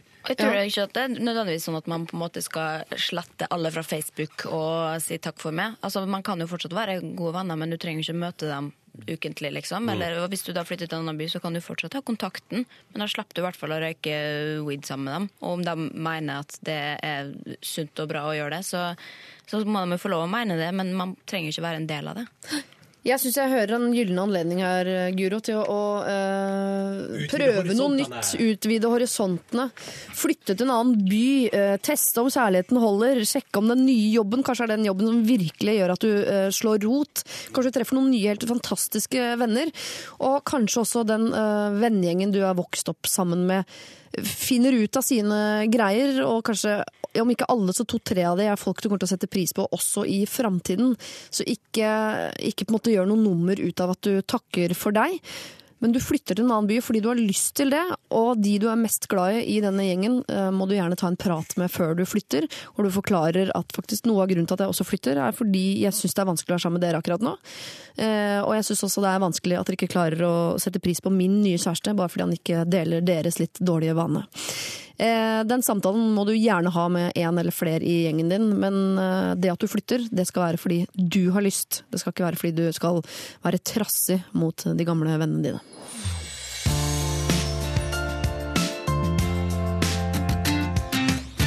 Silvana Imam pluss Malene for evigt fikk vi der altså i Lørdagsrådet. Hver eneste, ja, Nesten hver eneste uke så legger jeg ut på Facebook-siden til Lørdagsrådet en liten gåte, hvor eh, du som er da i vår eh, ganske så store vennegjeng om bord, kan gjette på hvem som er rådgivere i eh, neste Lørdagsrådet-sending. Eksempelvis la jeg ut her om dagen Hvem er lørdagens trio, mon tro? Eh, XXXXX heter hun, unge bevisste dansende, men litt sinna skrivende vesenet. XXXX heter han, skalla voksne, men den unge stilen, som synser og synser. XXXXX heter han, unge spørsmålstegn, alltid så blide, alltid så til stede, spesielt her på P3. Og du som hører på Lørdagsrådet i dag, vet jo at disse menneskene er eh, Linnea Myhre, Gunnar Greve og Ronny Brede Aase. Bra gjette, altså. På den måten kan man få en Lørdagsrådet-kopp. Eller man kan få en kopp ved å være den som dagens rådgivere føler at fortjener det mest. Og hvem det er får du vite hvis du følger med oss hele veien ut til klokken eh, tolv. Hvis du nå først eh, tenker at den der eh, Facebook-sida aldri hørt om, kanskje jeg skal gå inn og sjekke. Sjekke. Så kan du jo også kose deg med et uh, bilde av en uh, sammensatt gjeng, som jo er dagens uh, rådgivertrupp. hvor eh, Gunnar og Linnea ser ekstremt unge og kule ut. Eh, Ronny og jeg mer den joviale typen. Mer den joviale typen. Sjekk det ut om du ønsker, eller følg oss på Instagram. Der ligger også uh, et eksempel av dette bildet, med et eller annet fiffig filter på, vil jeg tro. Uh, så uh, hvis du foretrekker bilder med filter, ja, så er Instagram veien å gå. Nå du skal vi høre Kygo. Dette her er Firestone i Lørdagsrådet, og flere problemer følger. Dette er Dette er P3. Kygo med sin Firestone eh, fikk vi her i Lørdagsrådet, hvor jeg er så heldig å sitte sammen med Ronny Brede Aase, som er rådgiver her i dag, sammen med Linnea Myhre og Gunnar Greve. Det heter Kygo, ikke Kygo. Er det Kygo? Kaigo. Det er tullete. Nå ble jeg så Det usikker. ansiktet der, det er priceless. Du blir så usikker på disse artistene av og til. Ja, jeg ble usikker nå, men alle sier Kygo. Ja, det gjør det. Ja. Har dere sett at jeg, jeg har begynt å gå veldig mye med den Kygo-stilen i det siste? Nei, gratulerer! Så bra! caps. Så jeg prøver liksom, å pushe dem på alle. Så bare ta capsen bak frem og kjør på. Men du kler caps bak frem. Takk for det. Vær så god for det. Kygo. Jeg tror hvis Kygo. jeg, Kaigo. Kygo. tobarnsmor fra Follo, hadde tatt meg capsen bak frem, da Jeg jeg fått uh, fire langfingre fra baksetet Og strenge beskjeder fra kidsa. Og så hadde du garantert fått beskjed om å skrive en rapp til den lokale Follo-revyen 2016. Herre. Som du må framføre sånn Vi kidsa og Du, apropos Follo, har du hørt cupfinalelåten til eh, Thomas Seltzer og, og Vinni for Follo? Nei, jeg tror ikke. Det er back in the days, det er ikke det? Jo, det er noen år siden, men den ble, det, det ble faktisk Ja, den, ble, den måtte de trekke tilbake. Hvorfor var det så mye fyord i den, eller? Nei, fordi Vinni sa mongiser i teksten. Oi! Det er ikke lov. Ufint, ufint. Ja, ja. Det var fun, fun fact om Follo. Ja, det er faktisk en, det er en fun fact, Ronny Ok, Brede. også. okay, kan jeg prøve en til? Prøve en til? Kan prøve en til? Ja. Uh, Kygo har fått uh, Kygo. skal, Kygo har fått omdøpt Har fått omdøpt et hotell etter seg i Bergen nå, eh, når han skal spille festival der. Så det heter Kygo-hotellet? Ja, det er helt riktig. Og der skal han ha spennende ting som pressekonferanse og Q&A med teamet som jobber med han. Og selvfølgelig skal jeg spille Kygo-musikk 24-7 i resepsjonen, og det skal henge Kygo-bilde i heisen. Dette skjer bare i Bergen. Altså, det er helt sant, Sånne ting kan ikke skje andre steder enn i Bergen. Er det dette hotellet Petter Stordalen eier, hvor alle flyktningene skal få lov til å bo? Ja, det er vel ett av de han eier. Nei, kanskje det er ikke han som eier det. Nei, nei, jeg vet ikke. Pass. Pass. Pass. Vi skal eh, ta et eh, problem her som er av den litt annerledes eh, sorten. Eh, jeg leser fra toppen, som jeg pleier. Hei, jeg har et litt merkelig problem jeg håper dere kan hjelpe meg. Det har seg nemlig sånn at jeg og min samboer står opp klokken syv hver ukedag. Problemet er at naboen som vi har soveromsvinduet mot, starter sitt vrak av en dieselbil hver morgen mellom seks og kvart over seks. Hadde det bare vært så vel at han da drar sin vei med en gang, men nei da. Da står bilen og går mens han venter på en annen nabo som skal sitte på til jobb, og dette kan ta alt fra 10 til 25 minutter. Det bråket er ikke forsvarlig så tidlig på morgenen, og denne bilen står parkert ca. 30 meter fra vårt åpne soveromsvindu. Jeg lurer på når det er lov å begynne å skyte med ting som sprettert eller lignende ned på parkeringsplassen. Det er ikke et alternativ å sove med vinduet lukket. Da tror jeg ikke eh, vi hadde våknet neste morgen. Hilsen en som vil sove så lenge som mulig. Sett Beverly Hills Cop 1. Nei. Jo, det må man vel ha gjort. Banan i eksosrøret. Hva skjer da? Poff! Og så eksploderer eksospotta eller bilen? bilen. Nei, det gjør ikke. Jeg aner ikke. Men det var, det var en scene jeg husker fra den filmen. Jeg tror ikke lenger at eh, eksosrørene er så små at det holder med en banan. Men Nei, ta eh, squash eller aubergine, da. Kanskje det. Det var løsningen. Jeg tenker nok at både jeg og Gunnar hadde gått rett på her. Yes. Treerne hadde gått rett på. Ja, og Ja. hvis du har vært Ronny, så kan du ta det på Facebook. Ja, men hva, hva mener du med rett på? Luftgevær. Nei, Nei, nei. prøv på... samtale først. Ja, Ja, det, det, det var det vi sikta på. Jeg hadde gått til naboen da og uh, sagt Slutt å fyre opp det gamle droget ditt klokka seks om morgenen. Eh, ja, kanskje ikke gått og ringt på og liksom fått der, fått reaksjonen hans, på en måte, men kanskje skrevet en lapp, eller Det kunne jo vært hvem som helst. Jeg vet ikke hvilken bolig de bor i, om det er bare dem de bor sammen med, eller, eller ovenfor. Men, men eh, jeg hengte opp en lapp eller et brev i postkassa, eller eh, whatever. Jeg er veldig enig med Linnea. Kanskje prøve på den litt humoristiske måten. Litt sånn tegne seg sjøl når man sover. Sånn ser det ut hver morgen klokken syv når jeg ligger i sengen min og koser meg. Og da hadde de da hadde jeg fortsatt, hvis jeg var han eh, Du har vi får provosert. håpe det ikke er en treer. Vi får håpe det ikke er en treer. Håper det er en sånn Ronny åtter. Men, men ok, om ikke kanskje tegne seg sjøl.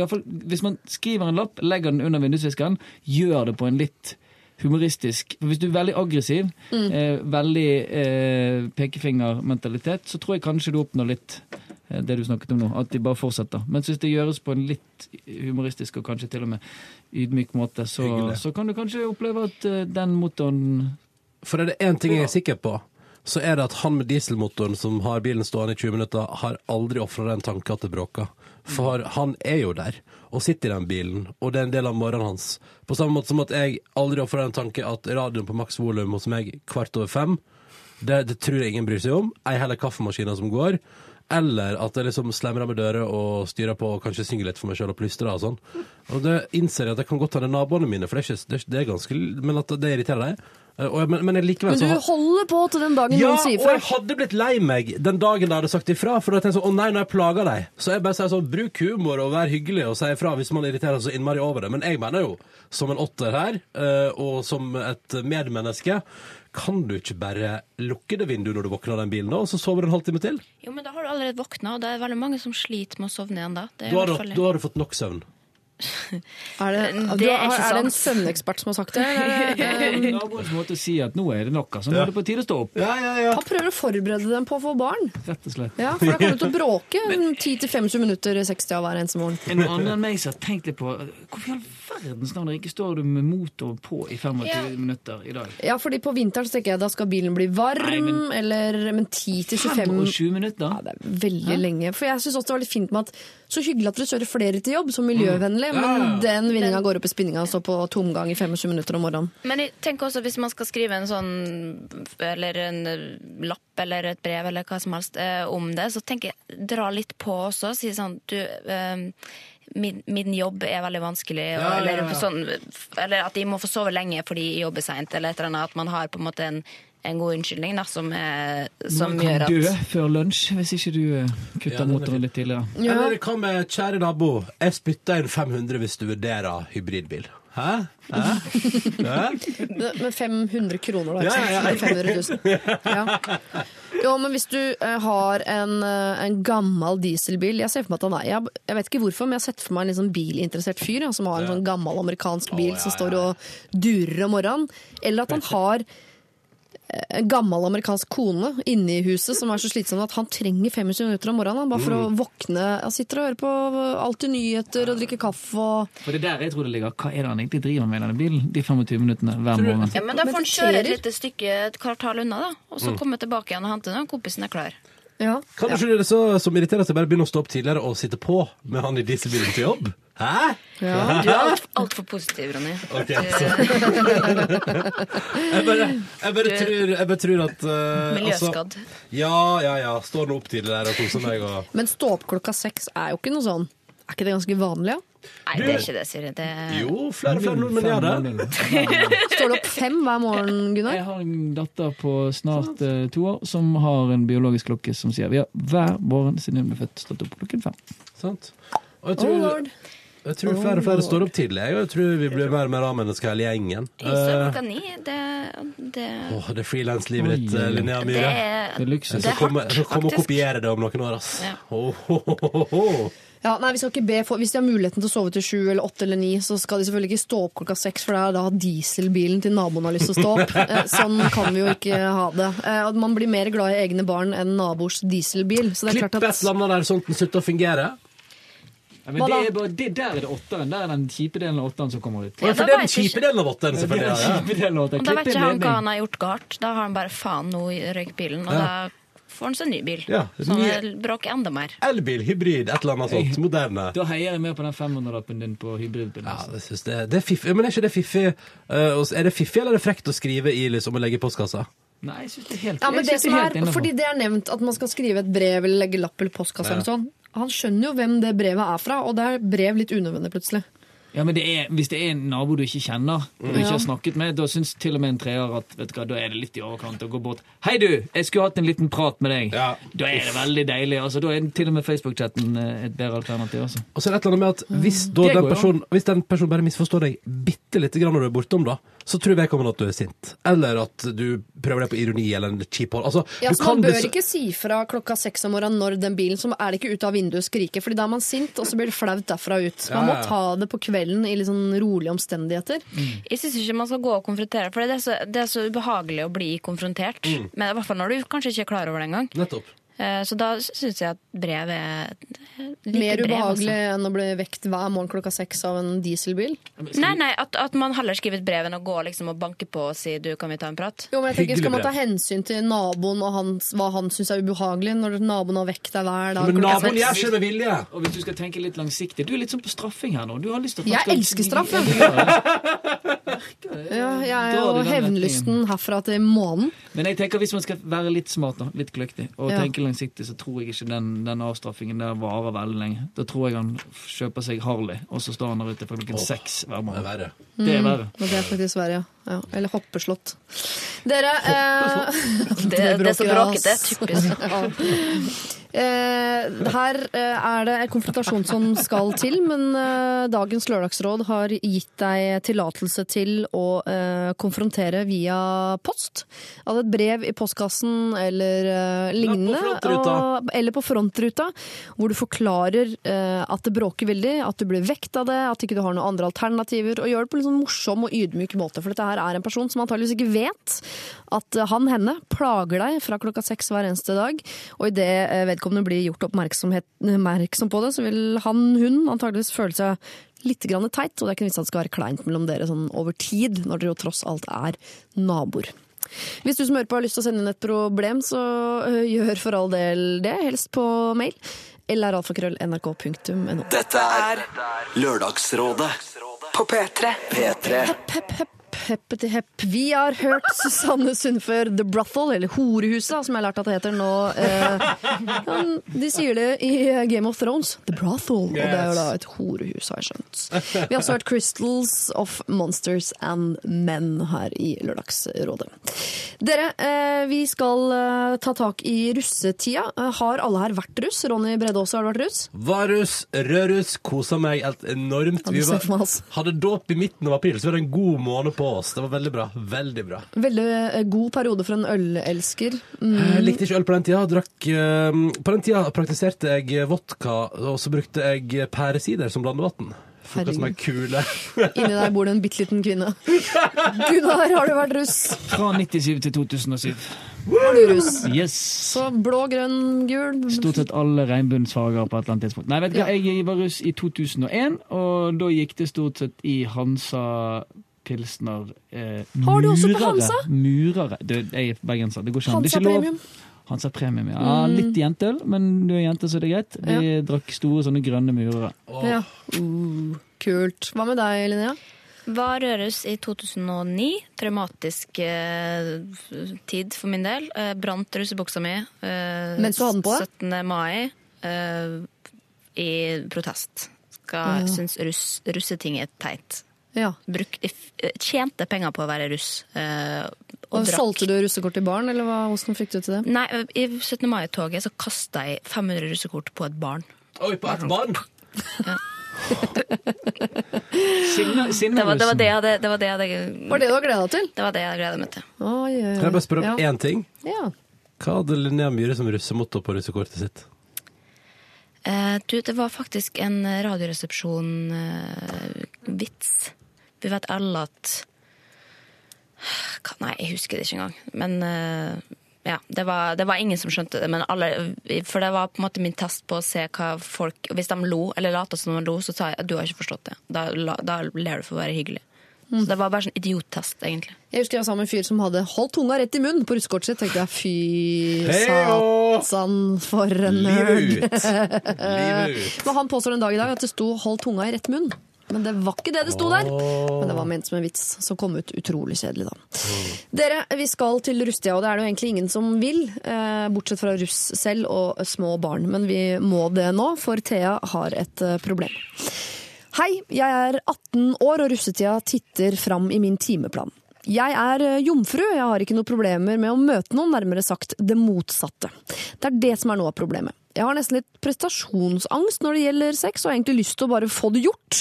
Jeg har flere ganger vært med gutter hjem, noe jeg nå har sluttet med, fordi det alltid ender opp i at de vil ha sex. Jeg har blitt spurt om å bli med på toalettet fordi en kompis skulle tisse. Han tisset han, men eh, det virket som om eh, Men han hadde altså noe annet i tankene. Jeg har blitt bedt med på hytteturer og overnattinger, og det virker som om det alle vil, er å ha sex. Og av en eller annen grunn så tror de at jeg er et sexdyr.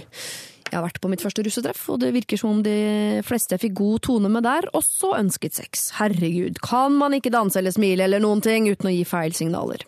Det virker som om jeg er den eneste med prestasjonsangst, og med denne sperren. Jeg kan ha det moro, sensuelt osv., men samleiebiten, det har jeg en sperre for. Burde ikke jeg også gjøre som alle andre 19-åringer?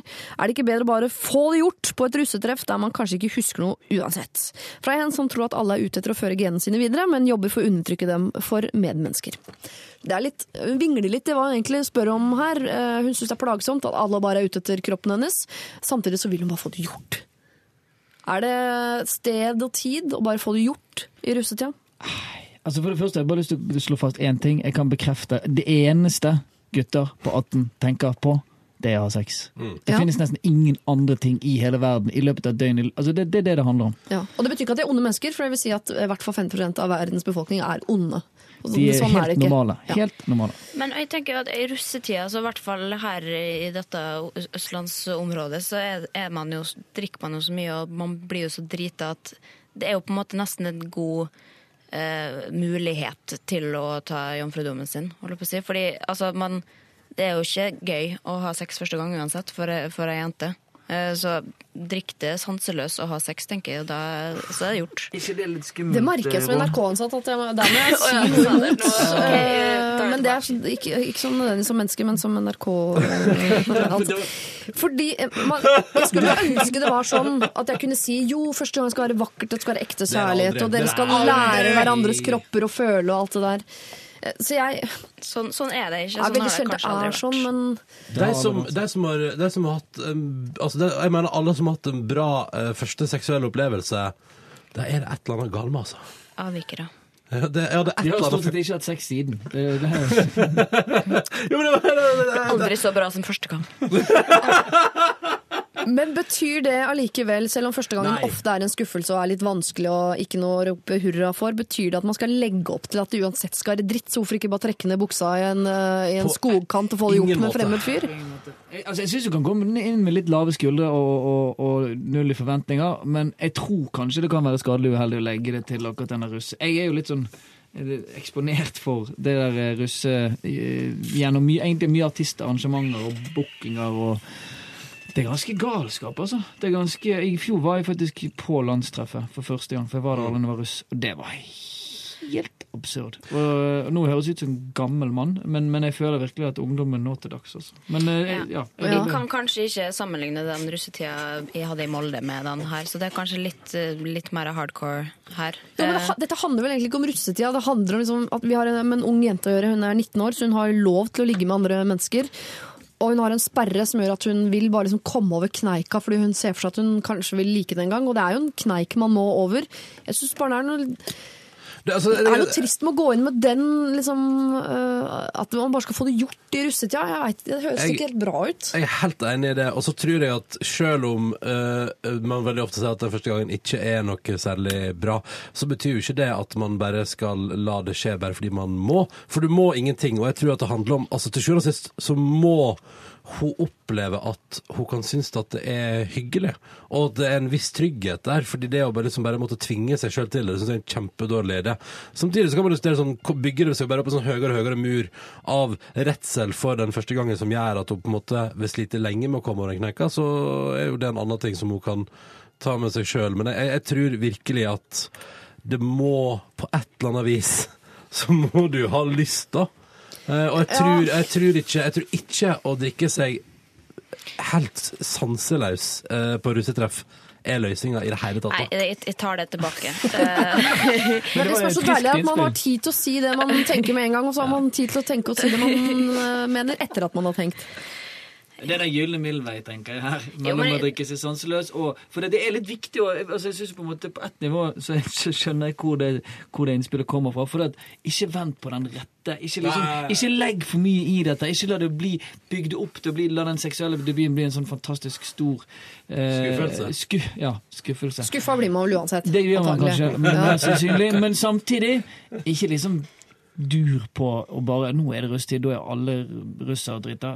Let's go. Det, det går an å finne noe midt imellom der. Altså. Det høres jo ut som hun har hatt flere anledninger til å, til å gjøre Ja, for jeg bare lurer på den, uh, Hvor kommer den sperren fra? Hvis den sperren kommer fra at hun har prestasjonsangst i forhold til at det skal være så utrolig bra, øh, så er det noe hun må jobbe med. Men jeg tenker også den øh, inngangen til den seksuelle verden bør, om ikke det skal være fantastisk, for det blir det ikke, så bør den ikke, så bør den ikke liksom representere noe som var skummelt og noe du angrer på, og sånn, for det kan være et litt sånn dårlig møte med, den, øh, med det liksom seksuelle liv.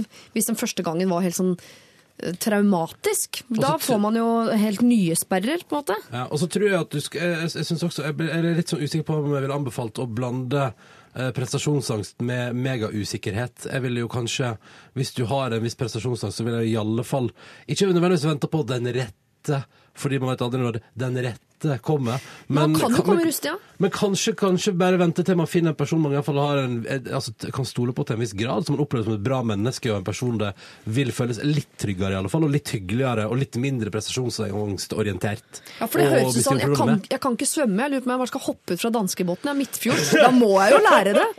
Jo, men, men eh, jeg tenker jo at hvis hun har greid å vente så lenge at hun er på en måte kanskje ikke så gira på å gjøre det liksom fort, fort, fort, så kan hun jo, da greier hun jo å vente ut russetida også, og så gjøre det kanskje etter, etterpå, da. Når man føler seg mer At ikke det blir sånn stressfaktor, da. Den At, deilige eh, sommeren etter russetida, for Ja. eksempel. Sommeren, det er perfekt. Da kan det kanskje bli et godt minne også. Mm. Eller kanskje kanskje opptatt av akkurat eh, hva slags dress man har på seg, og om sola står høyt på himmelen eller hva, men bare være veldig fokusert på hvem er det jeg gjør dette med.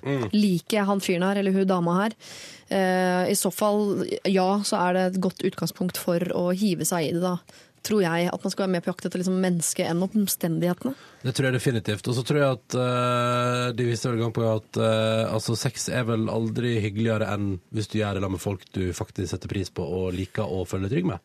Hørtes ut som du foreslår en gjeng her, men uh... Ta med deg en gjeng på hyttetur. jeg gikk rett på gruppe seks. Ja. Rett på gruppe seks. Kjempegjeng, kjempegjeng. Ronny Brede Aase, P3 NRK. Ok, uh, kjære deg. Du skal ha en uh, veldig, veldig morsom russetid. Om det er akkurat nå du kommer over den sperren du sier at du har, det vet vi ikke. Men det kan jo hende det er nå du treffer han som gjør at den sperren ikke virker så innmari skummel, og vips, så er du på andre siden. Men det er ikke sikkert det skal skje i rusttida. Så ikke ha bare de brillene på. Du skal også ha dine ølbriller på, som jeg liker å si. Det er jeg for gammel til, ass. Unnskyld. Unnskyld. P3. Dette er NRK P3. P3. Jerry Folk har hørt sammen med BB Diamond og det er låta som heter So Long. Jerry Falk. Hold tåta! I dag er rådgiver eh, Gunnar eh, Greve, eller Gunnar eh, hva det skal Hva skal man kalle folk, folk som pirker borti sånt? Greevy. Gunnar Greevy. Linnea Myhre er her, og også Ronny Brede Aase. Eh, Og vi skal eh, hjelpe noen rådville, vordende foreldre. Oi! Vi, oi, vi, det er ikke fødehjelp som skal til her eh, nå, men eh, navnehjelp. Vi venter en liten gutt snart, og han er eh, eh, Vi har mer eller mindre bestemt oss for fornavnet, men sliter med etternavnet. For saken er som følger. Kjæresten min har sitt mors etternavn og sin fars eh, etternavn som mellomnavn. Det har halvsøskenen hans også. Altså har moren flere arvinger som kan føre hennes navn videre. Jeg er veldig knyttet til min fars etternavn av flere grunner, men hovedsakelig har min familie vært den som har vært der mest for oss, hjulpet oss økonomisk i dårlige tider og generelt sett vært veldig rause. Dette har de alltid gjort som en selvfølge, uten at vi i det hele tatt har måttet eh, spørre om hjelp. Moren til kjæresten min er veldig bestemt og har en tendens til å ty til flaska, selv om hun ennå har relativt unge barn. Forleden i beruset tilstand annonserte hun navnet vi har tiltenkt gutten vår på Facebook uten vår tillatelse, men utelåt mitt etternavn fullstendig. Dette gjorde både meg og kjæresten min opprørt, og selv om vi har vært inne på tanken om å bytte rekkefølge av etternavn tidligere, bestemte jeg meg der og da for at vårt barn skal ikke bære hennes navn som sitt hovedetternavn. Jeg føler fremdeles veldig sterkt for dette, av grunnen beskrevet ovenfor, men også det at vi har mest tilknytning til min familie. Kjæresten min er helt enig med meg, men vi klarer liksom ikke helt å bestemme oss. Jeg vil ikke trumfe gjennom mitt etternavn, og dermed kopiere det hun har gjort mot uh, sine uh, barns fedre. Samtidig så vil jeg ikke gi henne den seieren. Altså, er det sært om vi skulle gå for mitt etternavn og bruke kjæresten min sitt etternavn som mellomnavn? Hilsen rådville, vordende foreldre. Oi, oi, oi, oi. Dette, her er det mange hensyn jeg ikke var klar over at jeg burde ha Mye å tatt. melde, kjenner jeg. Men Ja. Fram til uh, det Facebook-greiene så var jeg litt sånn Nå skal ikke du Altså Fordi det er et eller annet med Jeg, jeg merker at idet man sier sånn eh, Mine foreldre har stilt mye mer opp sånn, Ikke begynn å måle deg i det der. For det Det liker har jo ikke ikke noe med saken med Nettopp. etter, etternavn å gjøre. Hvem som Altså, jeg vil si, det het, Jeg kaller meg jo Myhre. Jeg heter jo egentlig Solli Myhre, som Myhre er min fars navn. Men det har jo ikke noe med at pappa har stilt mer opp for meg enn det mamma har. Altså, på noe som helst måte. Så det, altså, det er første gang jeg har hørt i det hele tatt at noen har målt det opp mot etter etternavn. Men så skjønner Ja. jeg jo Det kommer jo grunner til hvorfor Ja. hun irriterer seg lenger ned i e-posten. Samtidig så Jeg har så lyst til å si sånn Vær et bedre menneske, og så går du og kjæresten sammen, og så finner dere ut hva er det som klinger best, da? Hvordan fungerer det navnet best? Mm. Men er det, er det, det er kanskje litt naivt av meg igjen, da, som åtte? Nei, jeg syns det er helt rått. Ja. At, at det, skal jo, det skal jo høres bra ut først og fremst, ikke betydninga av det. Mm. Altså, det er jo ikke noe historie, en historie man skal fortelle til barnet sitt når de vokser opp. At nå skal du høre hvorfor du heter som du Ja. heter. Fordi at den gangen så For bestemor er så jævla drita hele tida! Men det, men det ligger jo masse historie i et etternavn, så det er jo på en måte å føre en historie videre også, eh, hvilket navn man gir til barna sine. Og det der er jo, dette er jo litt sånn en, en, Ikke en ny problemstilling, men, men sånn i langt historisk perspektiv så er det litt nytt. Sant? For Før så var det helt vanlig. Alle fikk eh, du vet, Man giftet seg, tok mannens navn, og barna fikk mannens navn. og så, sånn, sånn var det. Det var enkelt og greit. Og Sånn sett så er vel vi kanskje andre generasjon eh, som på en måte har begge, eller første generasjon til og med, som har, første, som har begge foreldrenes navn. Eh, og sånn sett så blir, kan dette bli et problem etter hvert. For at man åtte skal ha med seg Jo, men Ja, ja. altså, man vet ikke det før om to-tre generasjoner, ser hvordan trenden har gått. Og så er det litt sånn rar lov i Norge òg. Jeg vet ikke om folk er klar over det, men sånn, du har ikke lov til å ha to etternavn. Det er ikke lov. Du har kun lov til å ha ett etternavn i Norge. Og da blir det andre mellomnavn. og det andre blir mellomnavn. Mm. Hvis ikke du putter en bindestrek mellom dem. Og, og for min del det er liksom, Jeg heter, het faktisk Gunnar Greve Pettersen, og så tok jeg bort Pettersen. Og Greve er min mors navn, og det var egentlig mitt mellomnavn. Men min bestefar heter Gunnar Greve, og hans far heter Gunnar Greve, osv. osv. Um, og jeg valgte å la mine barn Det var etter jeg giftet meg, og jeg valgte å la mine barn få begge- Pettersen. Nei. Norheim heter de. Nei, de, de heter begge etter han. Og så tok vi, eh, tok vi min kone sist, som, som egentlig jo er mot hva skal jeg si, de gamle praksisen, den gamle praksisen. Mm. og så tok vi bindestrek mellom dem. Ja. Ja. Så det, Det Så nå, heter, så nå heter du og kona og barna og bissene og alle heter det samme til etternavn? Jeg heter, nei, min kone heter Re, jeg heter Greve, og barna heter Grevere. Jeg liker den tanken. da. Jeg liker at man liksom beholder sitt navn, eh, men at ungene får liksom, de får liksom en fusjon. da. Det et- det er et helt nytt navn. Det er et navn som ingen andre Ja, har. jeg synes det er gøy. Det er Uh. Eh, jeg bare, bare kjenner at uh, jeg, det er så skummelt å la hevn eller uh, ønske om å vise seg som et, vise seg fram bli grunnlaget for hva man gjør med kidsa sine. Enig, man skal ikke på en måte gi et navn til barna, bare for å, egentlig det man gjør er å gi en langfinger til eh, svigermor. Det er jeg helt imot. Hvis man skal gi et barn eh, for å signal eh, hvis man skal gi et barn et navn for å signalisere noe, så må det jo i så fall være vi ønsker gi vårt barn ditt navn videre fordi vi setter så pris på alt du har gjort for oss. Det syns jeg på en måte det er lov. Men akkurat her Og så tenker jeg at man lager en unødvendig konflikt også, da, hvis man skal unngå det. Hvis, altså, hvis det er sånn at barnet høres Eller mm, den uh, sammensetninga etter navn høres bra ut, så jeg forstår ikke problemet med å liksom ikke gjøre det bare fordi at nei, det, hun må ikke få den gleden. Mm. Eh, da lager Altså Så syns jeg det er lov å være litt enig med Linnea. Det er lov å være litt forfengelig på det. Ikke, ikke lov å si at, altså Navn er jo på en måte et, det altså det er noe du skal bære med deg. Det er noe du skal på en måte være stolt over, være, være glad i på et vis. Og det er så tørre å tenke at hva klinger bra, og, og hva, hva altså Det er jo sånn det er når man velger fornavn, mener jeg. Altså, Ja, ja. Man velger jo ikke et fornavn fordi at det er Helga Josefa, det heter oldemor, det skal pinadø min datter. Altså Du velger jo et navn du syns er fint. Ja. Så, Og sånn kan det være på etternavn også, selv om der har man jo ikke så mange valgmuligheter eh, som på fornavn.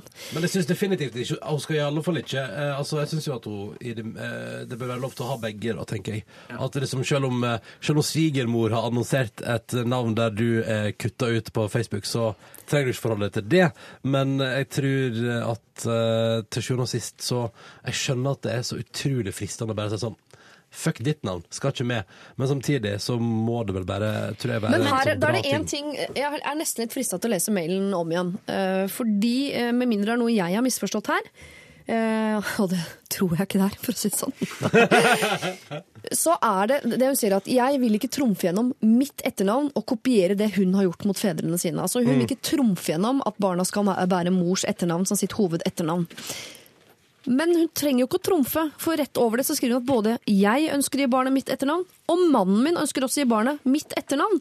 Så det er ingen som trumfer gjennom altså, det er i så fall, det er så fall å trumfe det hjem overfor svigermor. Ja, og svigermor har jo ikke noe hun skal ha sagt, og det handler ikke om at hun har lagt ut ting på Facebook som hun ikke skulle gjort, eller at hun er sånn, eller har stilt opp mindre, eller det handler ikke om hvem svigermor er. Du og mannen din er enige om hvilket barn, eh, navn dere vil gi til barnet deres. Og det handler ikke om å trumfe gjennom lenger. Det her syns jeg faktisk Og dette har jeg vel egentlig ikke lov til å si, men her syns jeg dere skaper et problem. Oi! Oi! Dere sier jo selv at dette er Jo, jo ikke et er jo, problem. det er jo et visst problem idet den svigermora her kanskje blir, altså, går on a rampage når hun finner ut at Ja, ut. Ja, men da er det hennes problem, og da får hun for all del skrive inn til Lørdagsrådet. Jo, jo, men, men jeg er helt enig. Og til sjuende og sist så er det jo de to foreldra som bestemmer. Punktum. Ingen andre skal ha noe de skulle ha sagt, men ikke gjør det av hevngrunner. Konsensus i det rette plenum. Fuck you, svigermor. Enig. Her handler det ikke om hevn eller trumfing eller noen ting. Det handler om at du og typen din har et navn dere har lyst til å gi til deres barn, som dere har lagd, uten at verken din eller hans familie har hjulpet til på noe som helst måte. Det handler ikke om økonomi når man lager et barn. Det handler om det navnet han skal, eller hun skal bære videre. Ah, og hvis eh, svigermor har problemer med dette her, lralfakrøll,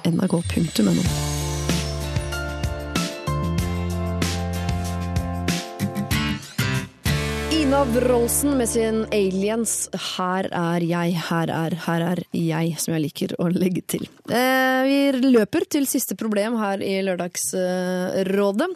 Eh, jeg har nettopp fått meg ny jobb, og elsker jobben min! Kollegaene mine er utrolig trivelige, og jeg føler meg inkludert i det nye miljøet. Jeg tar buss til og fra jobb, noe jeg liker. Da kan jeg høre på musikk og podkast mens jeg forbereder meg til arbeidsdagen mentalt. Problemet er at jeg får aldri sitte alene. Det alltid noen fra den nye jobben som setter seg ved siden av meg og vil prate. Det er jo selvfølgelig bare for å være hyggelig, men hva skal jeg gjøre? Jeg vil bare høre på musikk, jeg. Og slappe av. Både før og etter jobb. Håper dere kan hjelpe meg. Har vært i samme situasjon. Ja, dette er vanskelig, ass. Nei, nei, nei. Ja, hva gjorde du, Ronny Brede, også, i lignende situasjon? Nei, altså, så plutselig eh, så flytta Silje, som jeg jobba med i P3 Morgen, over til Eller jeg flytta til samme side av byen som hun. Så plutselig endte vi opp på buss sammen, og det er en lang tur. eh, 15 minutter. Og vi tok praten, og da var det rett og slett enkelt og greit Vet du, jeg har skikkelig lyst til å høre på musikk, jeg. Ja. OK, det har jeg egentlig jeg òg. Ah, så deilig. Da snakkes vi når vi går av bussen. Ja, Så dere har en øh, avtale på det? Ja, jeg skjønner at det er vanskelig. Og for, altså, jeg, jeg kjenner jo det av og til når jeg tar bussen til andre tider og møter andre folk som jeg bare så vidt kjenner, som også skal til NRK, så er det litt uh, skumlere. Men det som er rart er at da prater man alltid på bussen, og så går man hver for seg når man kommer av. Skjønner ikke det helt. Nei, det er mye, det er mye rare hensyn å ta der, men det som er at man kan jo komme dit med ett menneske at man blir enige om at vi ikke snakker sammen.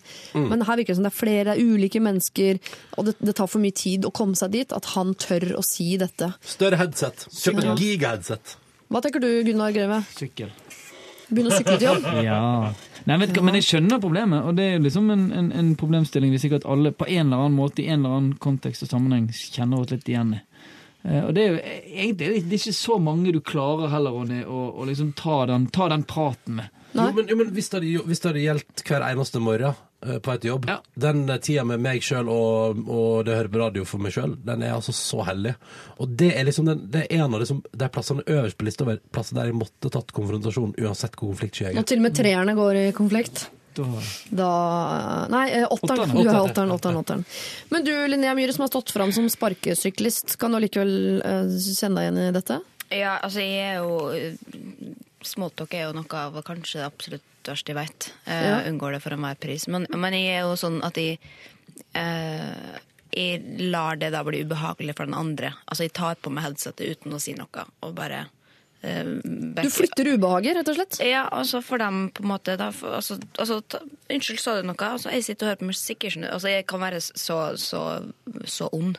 Ja. Um, så jeg um, uh, Så dette er ikke et problem for deg, dette? Eh, nei, egentlig, egentlig ikke. Uh, men uh. Nei, herregud, jeg tenker jo også at man må ta Man må jo si Altså, det er jo bare å si at du, jeg sitter og hører på noe som er så spennende jeg har. Jeg syns det er så fint å, å gjøre det om morgenen. At, å bare liksom høre på det går jeg an å si, da. Det, det går an Ja. å si. Ja. Og plutselig sitter den andre parten der og tenker det samme som det. Eller så tenker sånn Å gud, nå må jeg være høflig, men egentlig vil jeg høre på musikk. Alle vil jo helst høre på radio på morgenen, vil de ikke det? Sponset av. Ja. Det er det. Kvalm av det. Men eh, det jeg tenker som er en trøst oppi dette her, for jeg er jo pendler eh, og bo, kom, bor i en liten by, så sjansen for å treffe på folk man kjenner litt, er jo ekstremt til stede, da. Eh, men det, man trenger bare å si fra én gang per menneske. Yep. Og med mindre du jobber i Telenor og har 7000 eh, venner og kollegaer som du møter på bussen hver dag, så er det ikke så mange av denne lille ubehagelige setningen. Det er ikke så mange ganger du må si fra. Eller, ja. Jeg, jeg mener også at det er egentlig I dag så er det så mange som bruker både, altså hører på musikk, som har headset som på en måte Og det er et ganske sånn tydelig tegn. Det er, Ja. ganske sånn, det er ikke et hint lenger. Det er bare en ganske sånn klar OK, han eller hun er opptatt. Og, og det går også an å heller angripe det på litt sånn med kroppsspråk. For det første, aller først, nikke, smile, si hei. Markere tydelig at det er et hei, og så Men et så avsluttende hei. så viser at du Å, shit, jeg digger den musikken jeg hører. Altså, du, du trenger ikke å overdrive det, men, men du kan det ganske lett med kroppsspråk uten at du på en måte er sånn eh, ond. Ja, og så Ja, er det bare å si, en, altså, si det at bare, jeg setter så pris på å høre på musikk om morgenen. Jeg, altså, Ja. Nesten før du har kommet til det problemet også. Altså, nå har jo dette skjedd. Men, eh, men eh, for andre at man på en måte liksom markere at uh, jeg liker å høre på, på, på radio på, på bussen, og at sånn vil jeg ha det for alltid. Det Ja, for liksom det de fleste gjør, nemlig, eh, er jo uh, enten å late som man ikke ser, uh, eller late som man sover litt akkurat da, eller er mye sånne triks som gjør at, eh, at folk tenker at han der Knut på jobben er jo en jævlig overlegen type, da. Ja, men det er sånn jeg er. Ja, men det, tenker, det- Da er det lettere å si fra sånn Vet du hva, jeg, jeg trenger litt sånn alenetid på morgenen. det- Og det er den setninga der. Det skjønner Har- folk. Alle forstår hva, at, at det trengs alenetid på morgenen. Og, og kan du si sånn Vet du, jeg må liksom De minutter på bussen der der jeg kan høre på musikk og bare være litt sånn for meg sjøl og starte dagen. Så deilig. Ja. Og, det, og bare legge det, for det, det er en positiv ting. Og den andre personen tenker, tenker sånn Ja, selvfølgelig, det forstår jeg. Det høres jo helt logisk ut. Men første gangen, altså hvis han er ny på jobben, og nye kollegaer, tenker jeg at det handler litt om å bli sendt med nye kollegaer på jobben også. Så første gang kan du godt ta den praten, og neste gang kan du si sånn Vet du hva, jeg, Vi kan godt spise lunsj sammen, men jeg, jeg, det der eh, det kvarteret om morgenen med podkast eller musikk jeg, jeg må ha det. Sorry. Det, det handler ikke om deg. Jeg, jeg må ha det. Ja, og Vi innførte jo i P3 Morgen regelen om at samtalen og dagen begynner idet vi går av bussen ved jobb. Ja. Så da har du de minutta opp til NRK her, da, der vi prater sammen. Også, men da er alle innforstått med at fram til det, til vi går ut av bussen, ikke engang et lite hei. Det er bare sånn vi, Livet vårt går i musikk og radio. Og så går vi av bussen, og da er det sånn 'hallo, god morgen'. Så starter vi der. Og det har vi blitt enige om, og det er så lett å ta den praten. Ja. Men Livet dere kjenner jo hverandre ganske godt, da. Ja, men, ja, ja, men det, var, det, altså, det var liksom noe av det første vi prata om. Ah, ja, okay. ja, ja. Men jeg tenker, Han kommer dit med de han sier jeg er ny på jobben, så i begynnelsen var det litt sånn hyggelig når du treffer folk på bussen. Så etter hvert som du har hilst på folk flere ganger, så kan du si ifra til én og én. Eh, og når du har sagt fra til alle, la oss si at det er ti stykker, da. I verste fall så er du ferdig med det. Så hvis om en måned eller to så er du ferdig. Da kan du bare høre på musikk uten at du har blitt han overlegne rasshølet på bussen som aldri sier hei, eller aldri liksom alltid later som du sover akkurat idet du kommer på bussen og sånn. For det, Det funker òg veldig bra, forresten. Hæ? Lat som man sover. Jeg gjør det ofte. Ja, men åh, jeg litt jeg, altså, jeg har dratt den noen ganger. Eller det som oftest drar, at jeg later som jeg At jeg har noe jeg skal evaluere. Unnskyld, unnskyld til dere som har hørt meg si det. Det hender at jeg må det, altså, men ikke alltid. Jeg innrømmer det litt. Da. Du, eh, kjære deg, dette er et problem nå, men det kommer til å bli veldig mye lettere. Du må bare få gitt den lille beskjeden som alle kommer til å ha forståelse for. At du har litt eh, Eller du har et stort behov for å sitte litt alene på morgenen. Men da må du liksom ta igjen med å være hyggelig når du kommer på jobb. Da kan, du ikke være, ja, da kan det ikke være han som trenger alenetid i lunsjen også. Eller som aldri er med på fredagspils og sånn. For da har du på en måte Du må gjerne være det, men da, da er du han, på en måte. Og da hadde du ikke sendt inn dette problemet. Det føler jeg meg helt eh, trygg på. Gunnar Greve, du må løpe. Du, jeg skal ha alenetid på T-banen. Ja, du Med headset på. eh, får ha en fortreffelig lørdag eh, videre. Du får sende en SMS på vei ut døra med hvem du mener skal få en kopp. For det skal eh, Linnea og Ronny bi seg ut på nå hvert øyeblikk. Hvem er det som får dagens Lørdagsrådet-kopp? Dette er P3 Kendrick Lamar med sin King Kunta hørte vi der, og Gunnar har forlatt eh, selskapet før det var høflig fyr. Utrolig, men utrolig kult at han skal være sånn ballongansvarlig i barneselskap, syns jeg. Jeg, visste ikke, jeg, visste, jeg trodde at de hadde nok penger som manager til at han slapp å gjøre det på Han sida. skal jo blåse opp et helt hoppeslott med, med, bare med munnen, mann. Så det er klart han måtte dra før han skulle være klovn. Fader, da er du glad i så, i det, så, ikke bare kortreist mat, men også kortreist luft i oppeståttet. det er Ja, gøy. ja. Hvem, eh, hvilket problem tror dere Gunnar Greve ville ha gitt koppen sin til? Kjenner dere han såpass godt? Nei, det var nesten første gang jeg møtte den. Ja. Eller det er ikke sant, da, men sånn sotte attmen. Ja. Er Litt, eh, Lukter godt. ja, luktløs. Luktløs type. Ja, ja. Ja. Oi. Men, uh, men det er ofte sånn med folk uten hår. Lukter ikke så mye. Men han er jo litt sånn femi, eller altså han er opptatt av stil, så jeg syns jeg lukta ganske mye Ja, parfyme cameo- Cameo-bukse og stille, stille type. Ja, men han er alltid veldig flott i, flott i klesveien. Ja. Jeg håper han podkaster dette og hører eh, på, rett og slett. Fordi nå syns du at du ga et kompliment? Altså. Jeg syns jeg ga et kompliment, ja. Ja, ja. men jeg er ikke så god på det, så du får gjerne arrestere meg på det. Men syns du hørtes litt ironisk ut? Nei, okay. Mens, mens Nei, vi andre baksnakker. Å ja, nei, det var, eh, det var ikke ironisk. Men dere skal få lov til å dele ut en eh, kopp da her i Lørdagsrådet, som vi alltid gjør. En Lørdagsrådet-kopp. Eh, Jeg har sikla på en sånn en i et år nå. Sånn hatt skikkelig lyst på. Ja, Spurt du, om, spurt om å få, får aldri. du får ikke. Er det sånn med sånn ring eller sånn kant rundt? En gummikant, ja. Som sånn gjør at du ikke blir varm. Hvorfor har du så lyst på den, Ronny? Fordi at jeg ja, har, Syns du den er så fin? ja, altså har jeg en litt sånn koppsamlerfetisj. Har du det? Så hjelper ikke at jeg sier at uh, jeg er inspirert av noen kopper fra Royal Copenhagen som lar seg kjøpe i alle regnbuens farger. Nei, det hjelper. Det, det vet jeg ingenting om. Nei, men, de vil du ikke ha? Nei, men jeg har, jeg har klart å slutte å samle på. Og dette er jo det triste, men det gjorde jeg i mange år av mitt liv nå, eh, mitt voksne liv. Altså, det er kanskje to år siden jeg slutta.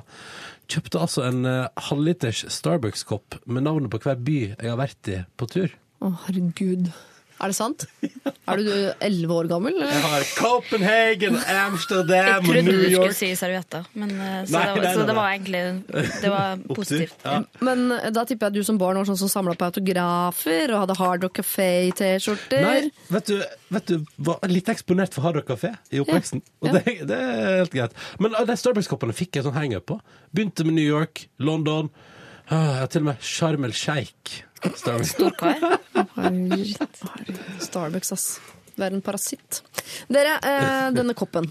eh, P3, eller Lørdagsrådet-koppen, skal deles ut. Jeg skal gå gjennom morgenens kandidater som har eh, vært.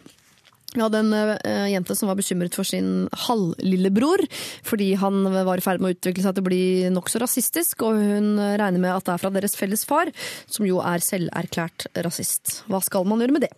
Og så har vi uh, dreads-jenta som uh, må klippe av seg, eller må ikke, men ønsker å klippe av seg dreadsen og lurer på om hun bare skal gå all the way og snaubarbere eh, hodeskallen sin. Typen er ikke så positiv til det. Vi har også en eh, jente som har en vennegjeng der alle plutselig nå i alder av 20 har fått det for seg at det er så utrolig kult å røyke weed hele tiden. Eh, hun følte seg annerledes enn de lurte på om hun skulle nå benytte anledningen til å flytte til en ny by sammen med sin nye kjæreste og starte litt sånn med blanke ark også på vennefronten. Vi har en eh, gammel dieselbil som går eh, på tomgang i en 10-25 minutter rett utenfor uh, soveromsvinduet til et eh, uskyldig kjærestepar, som ønsker altså å få en slutt på det. Så har vi en ung, ung pike som lurer på om hun bare skal uh, hoppe i det, debutere i Rustia, få det overstått. Har en litt sånn sperre på det greiene der og har egentlig bare lyst til å bli ferdig med det. Uh, vi har et etternavnproblem. Altså sønnen, et fremtidig sønnen til et kjærestepar, eh, og de var litt usikre på hvilket etternavn han skulle ta, hennes familie eller hans familie sin. Og til slutt altså mannen som ønsker å være alene på bussen både til og fra jobb, til tross for at det ofte er kollegaer på samme buss. Hvem fortjener kapp?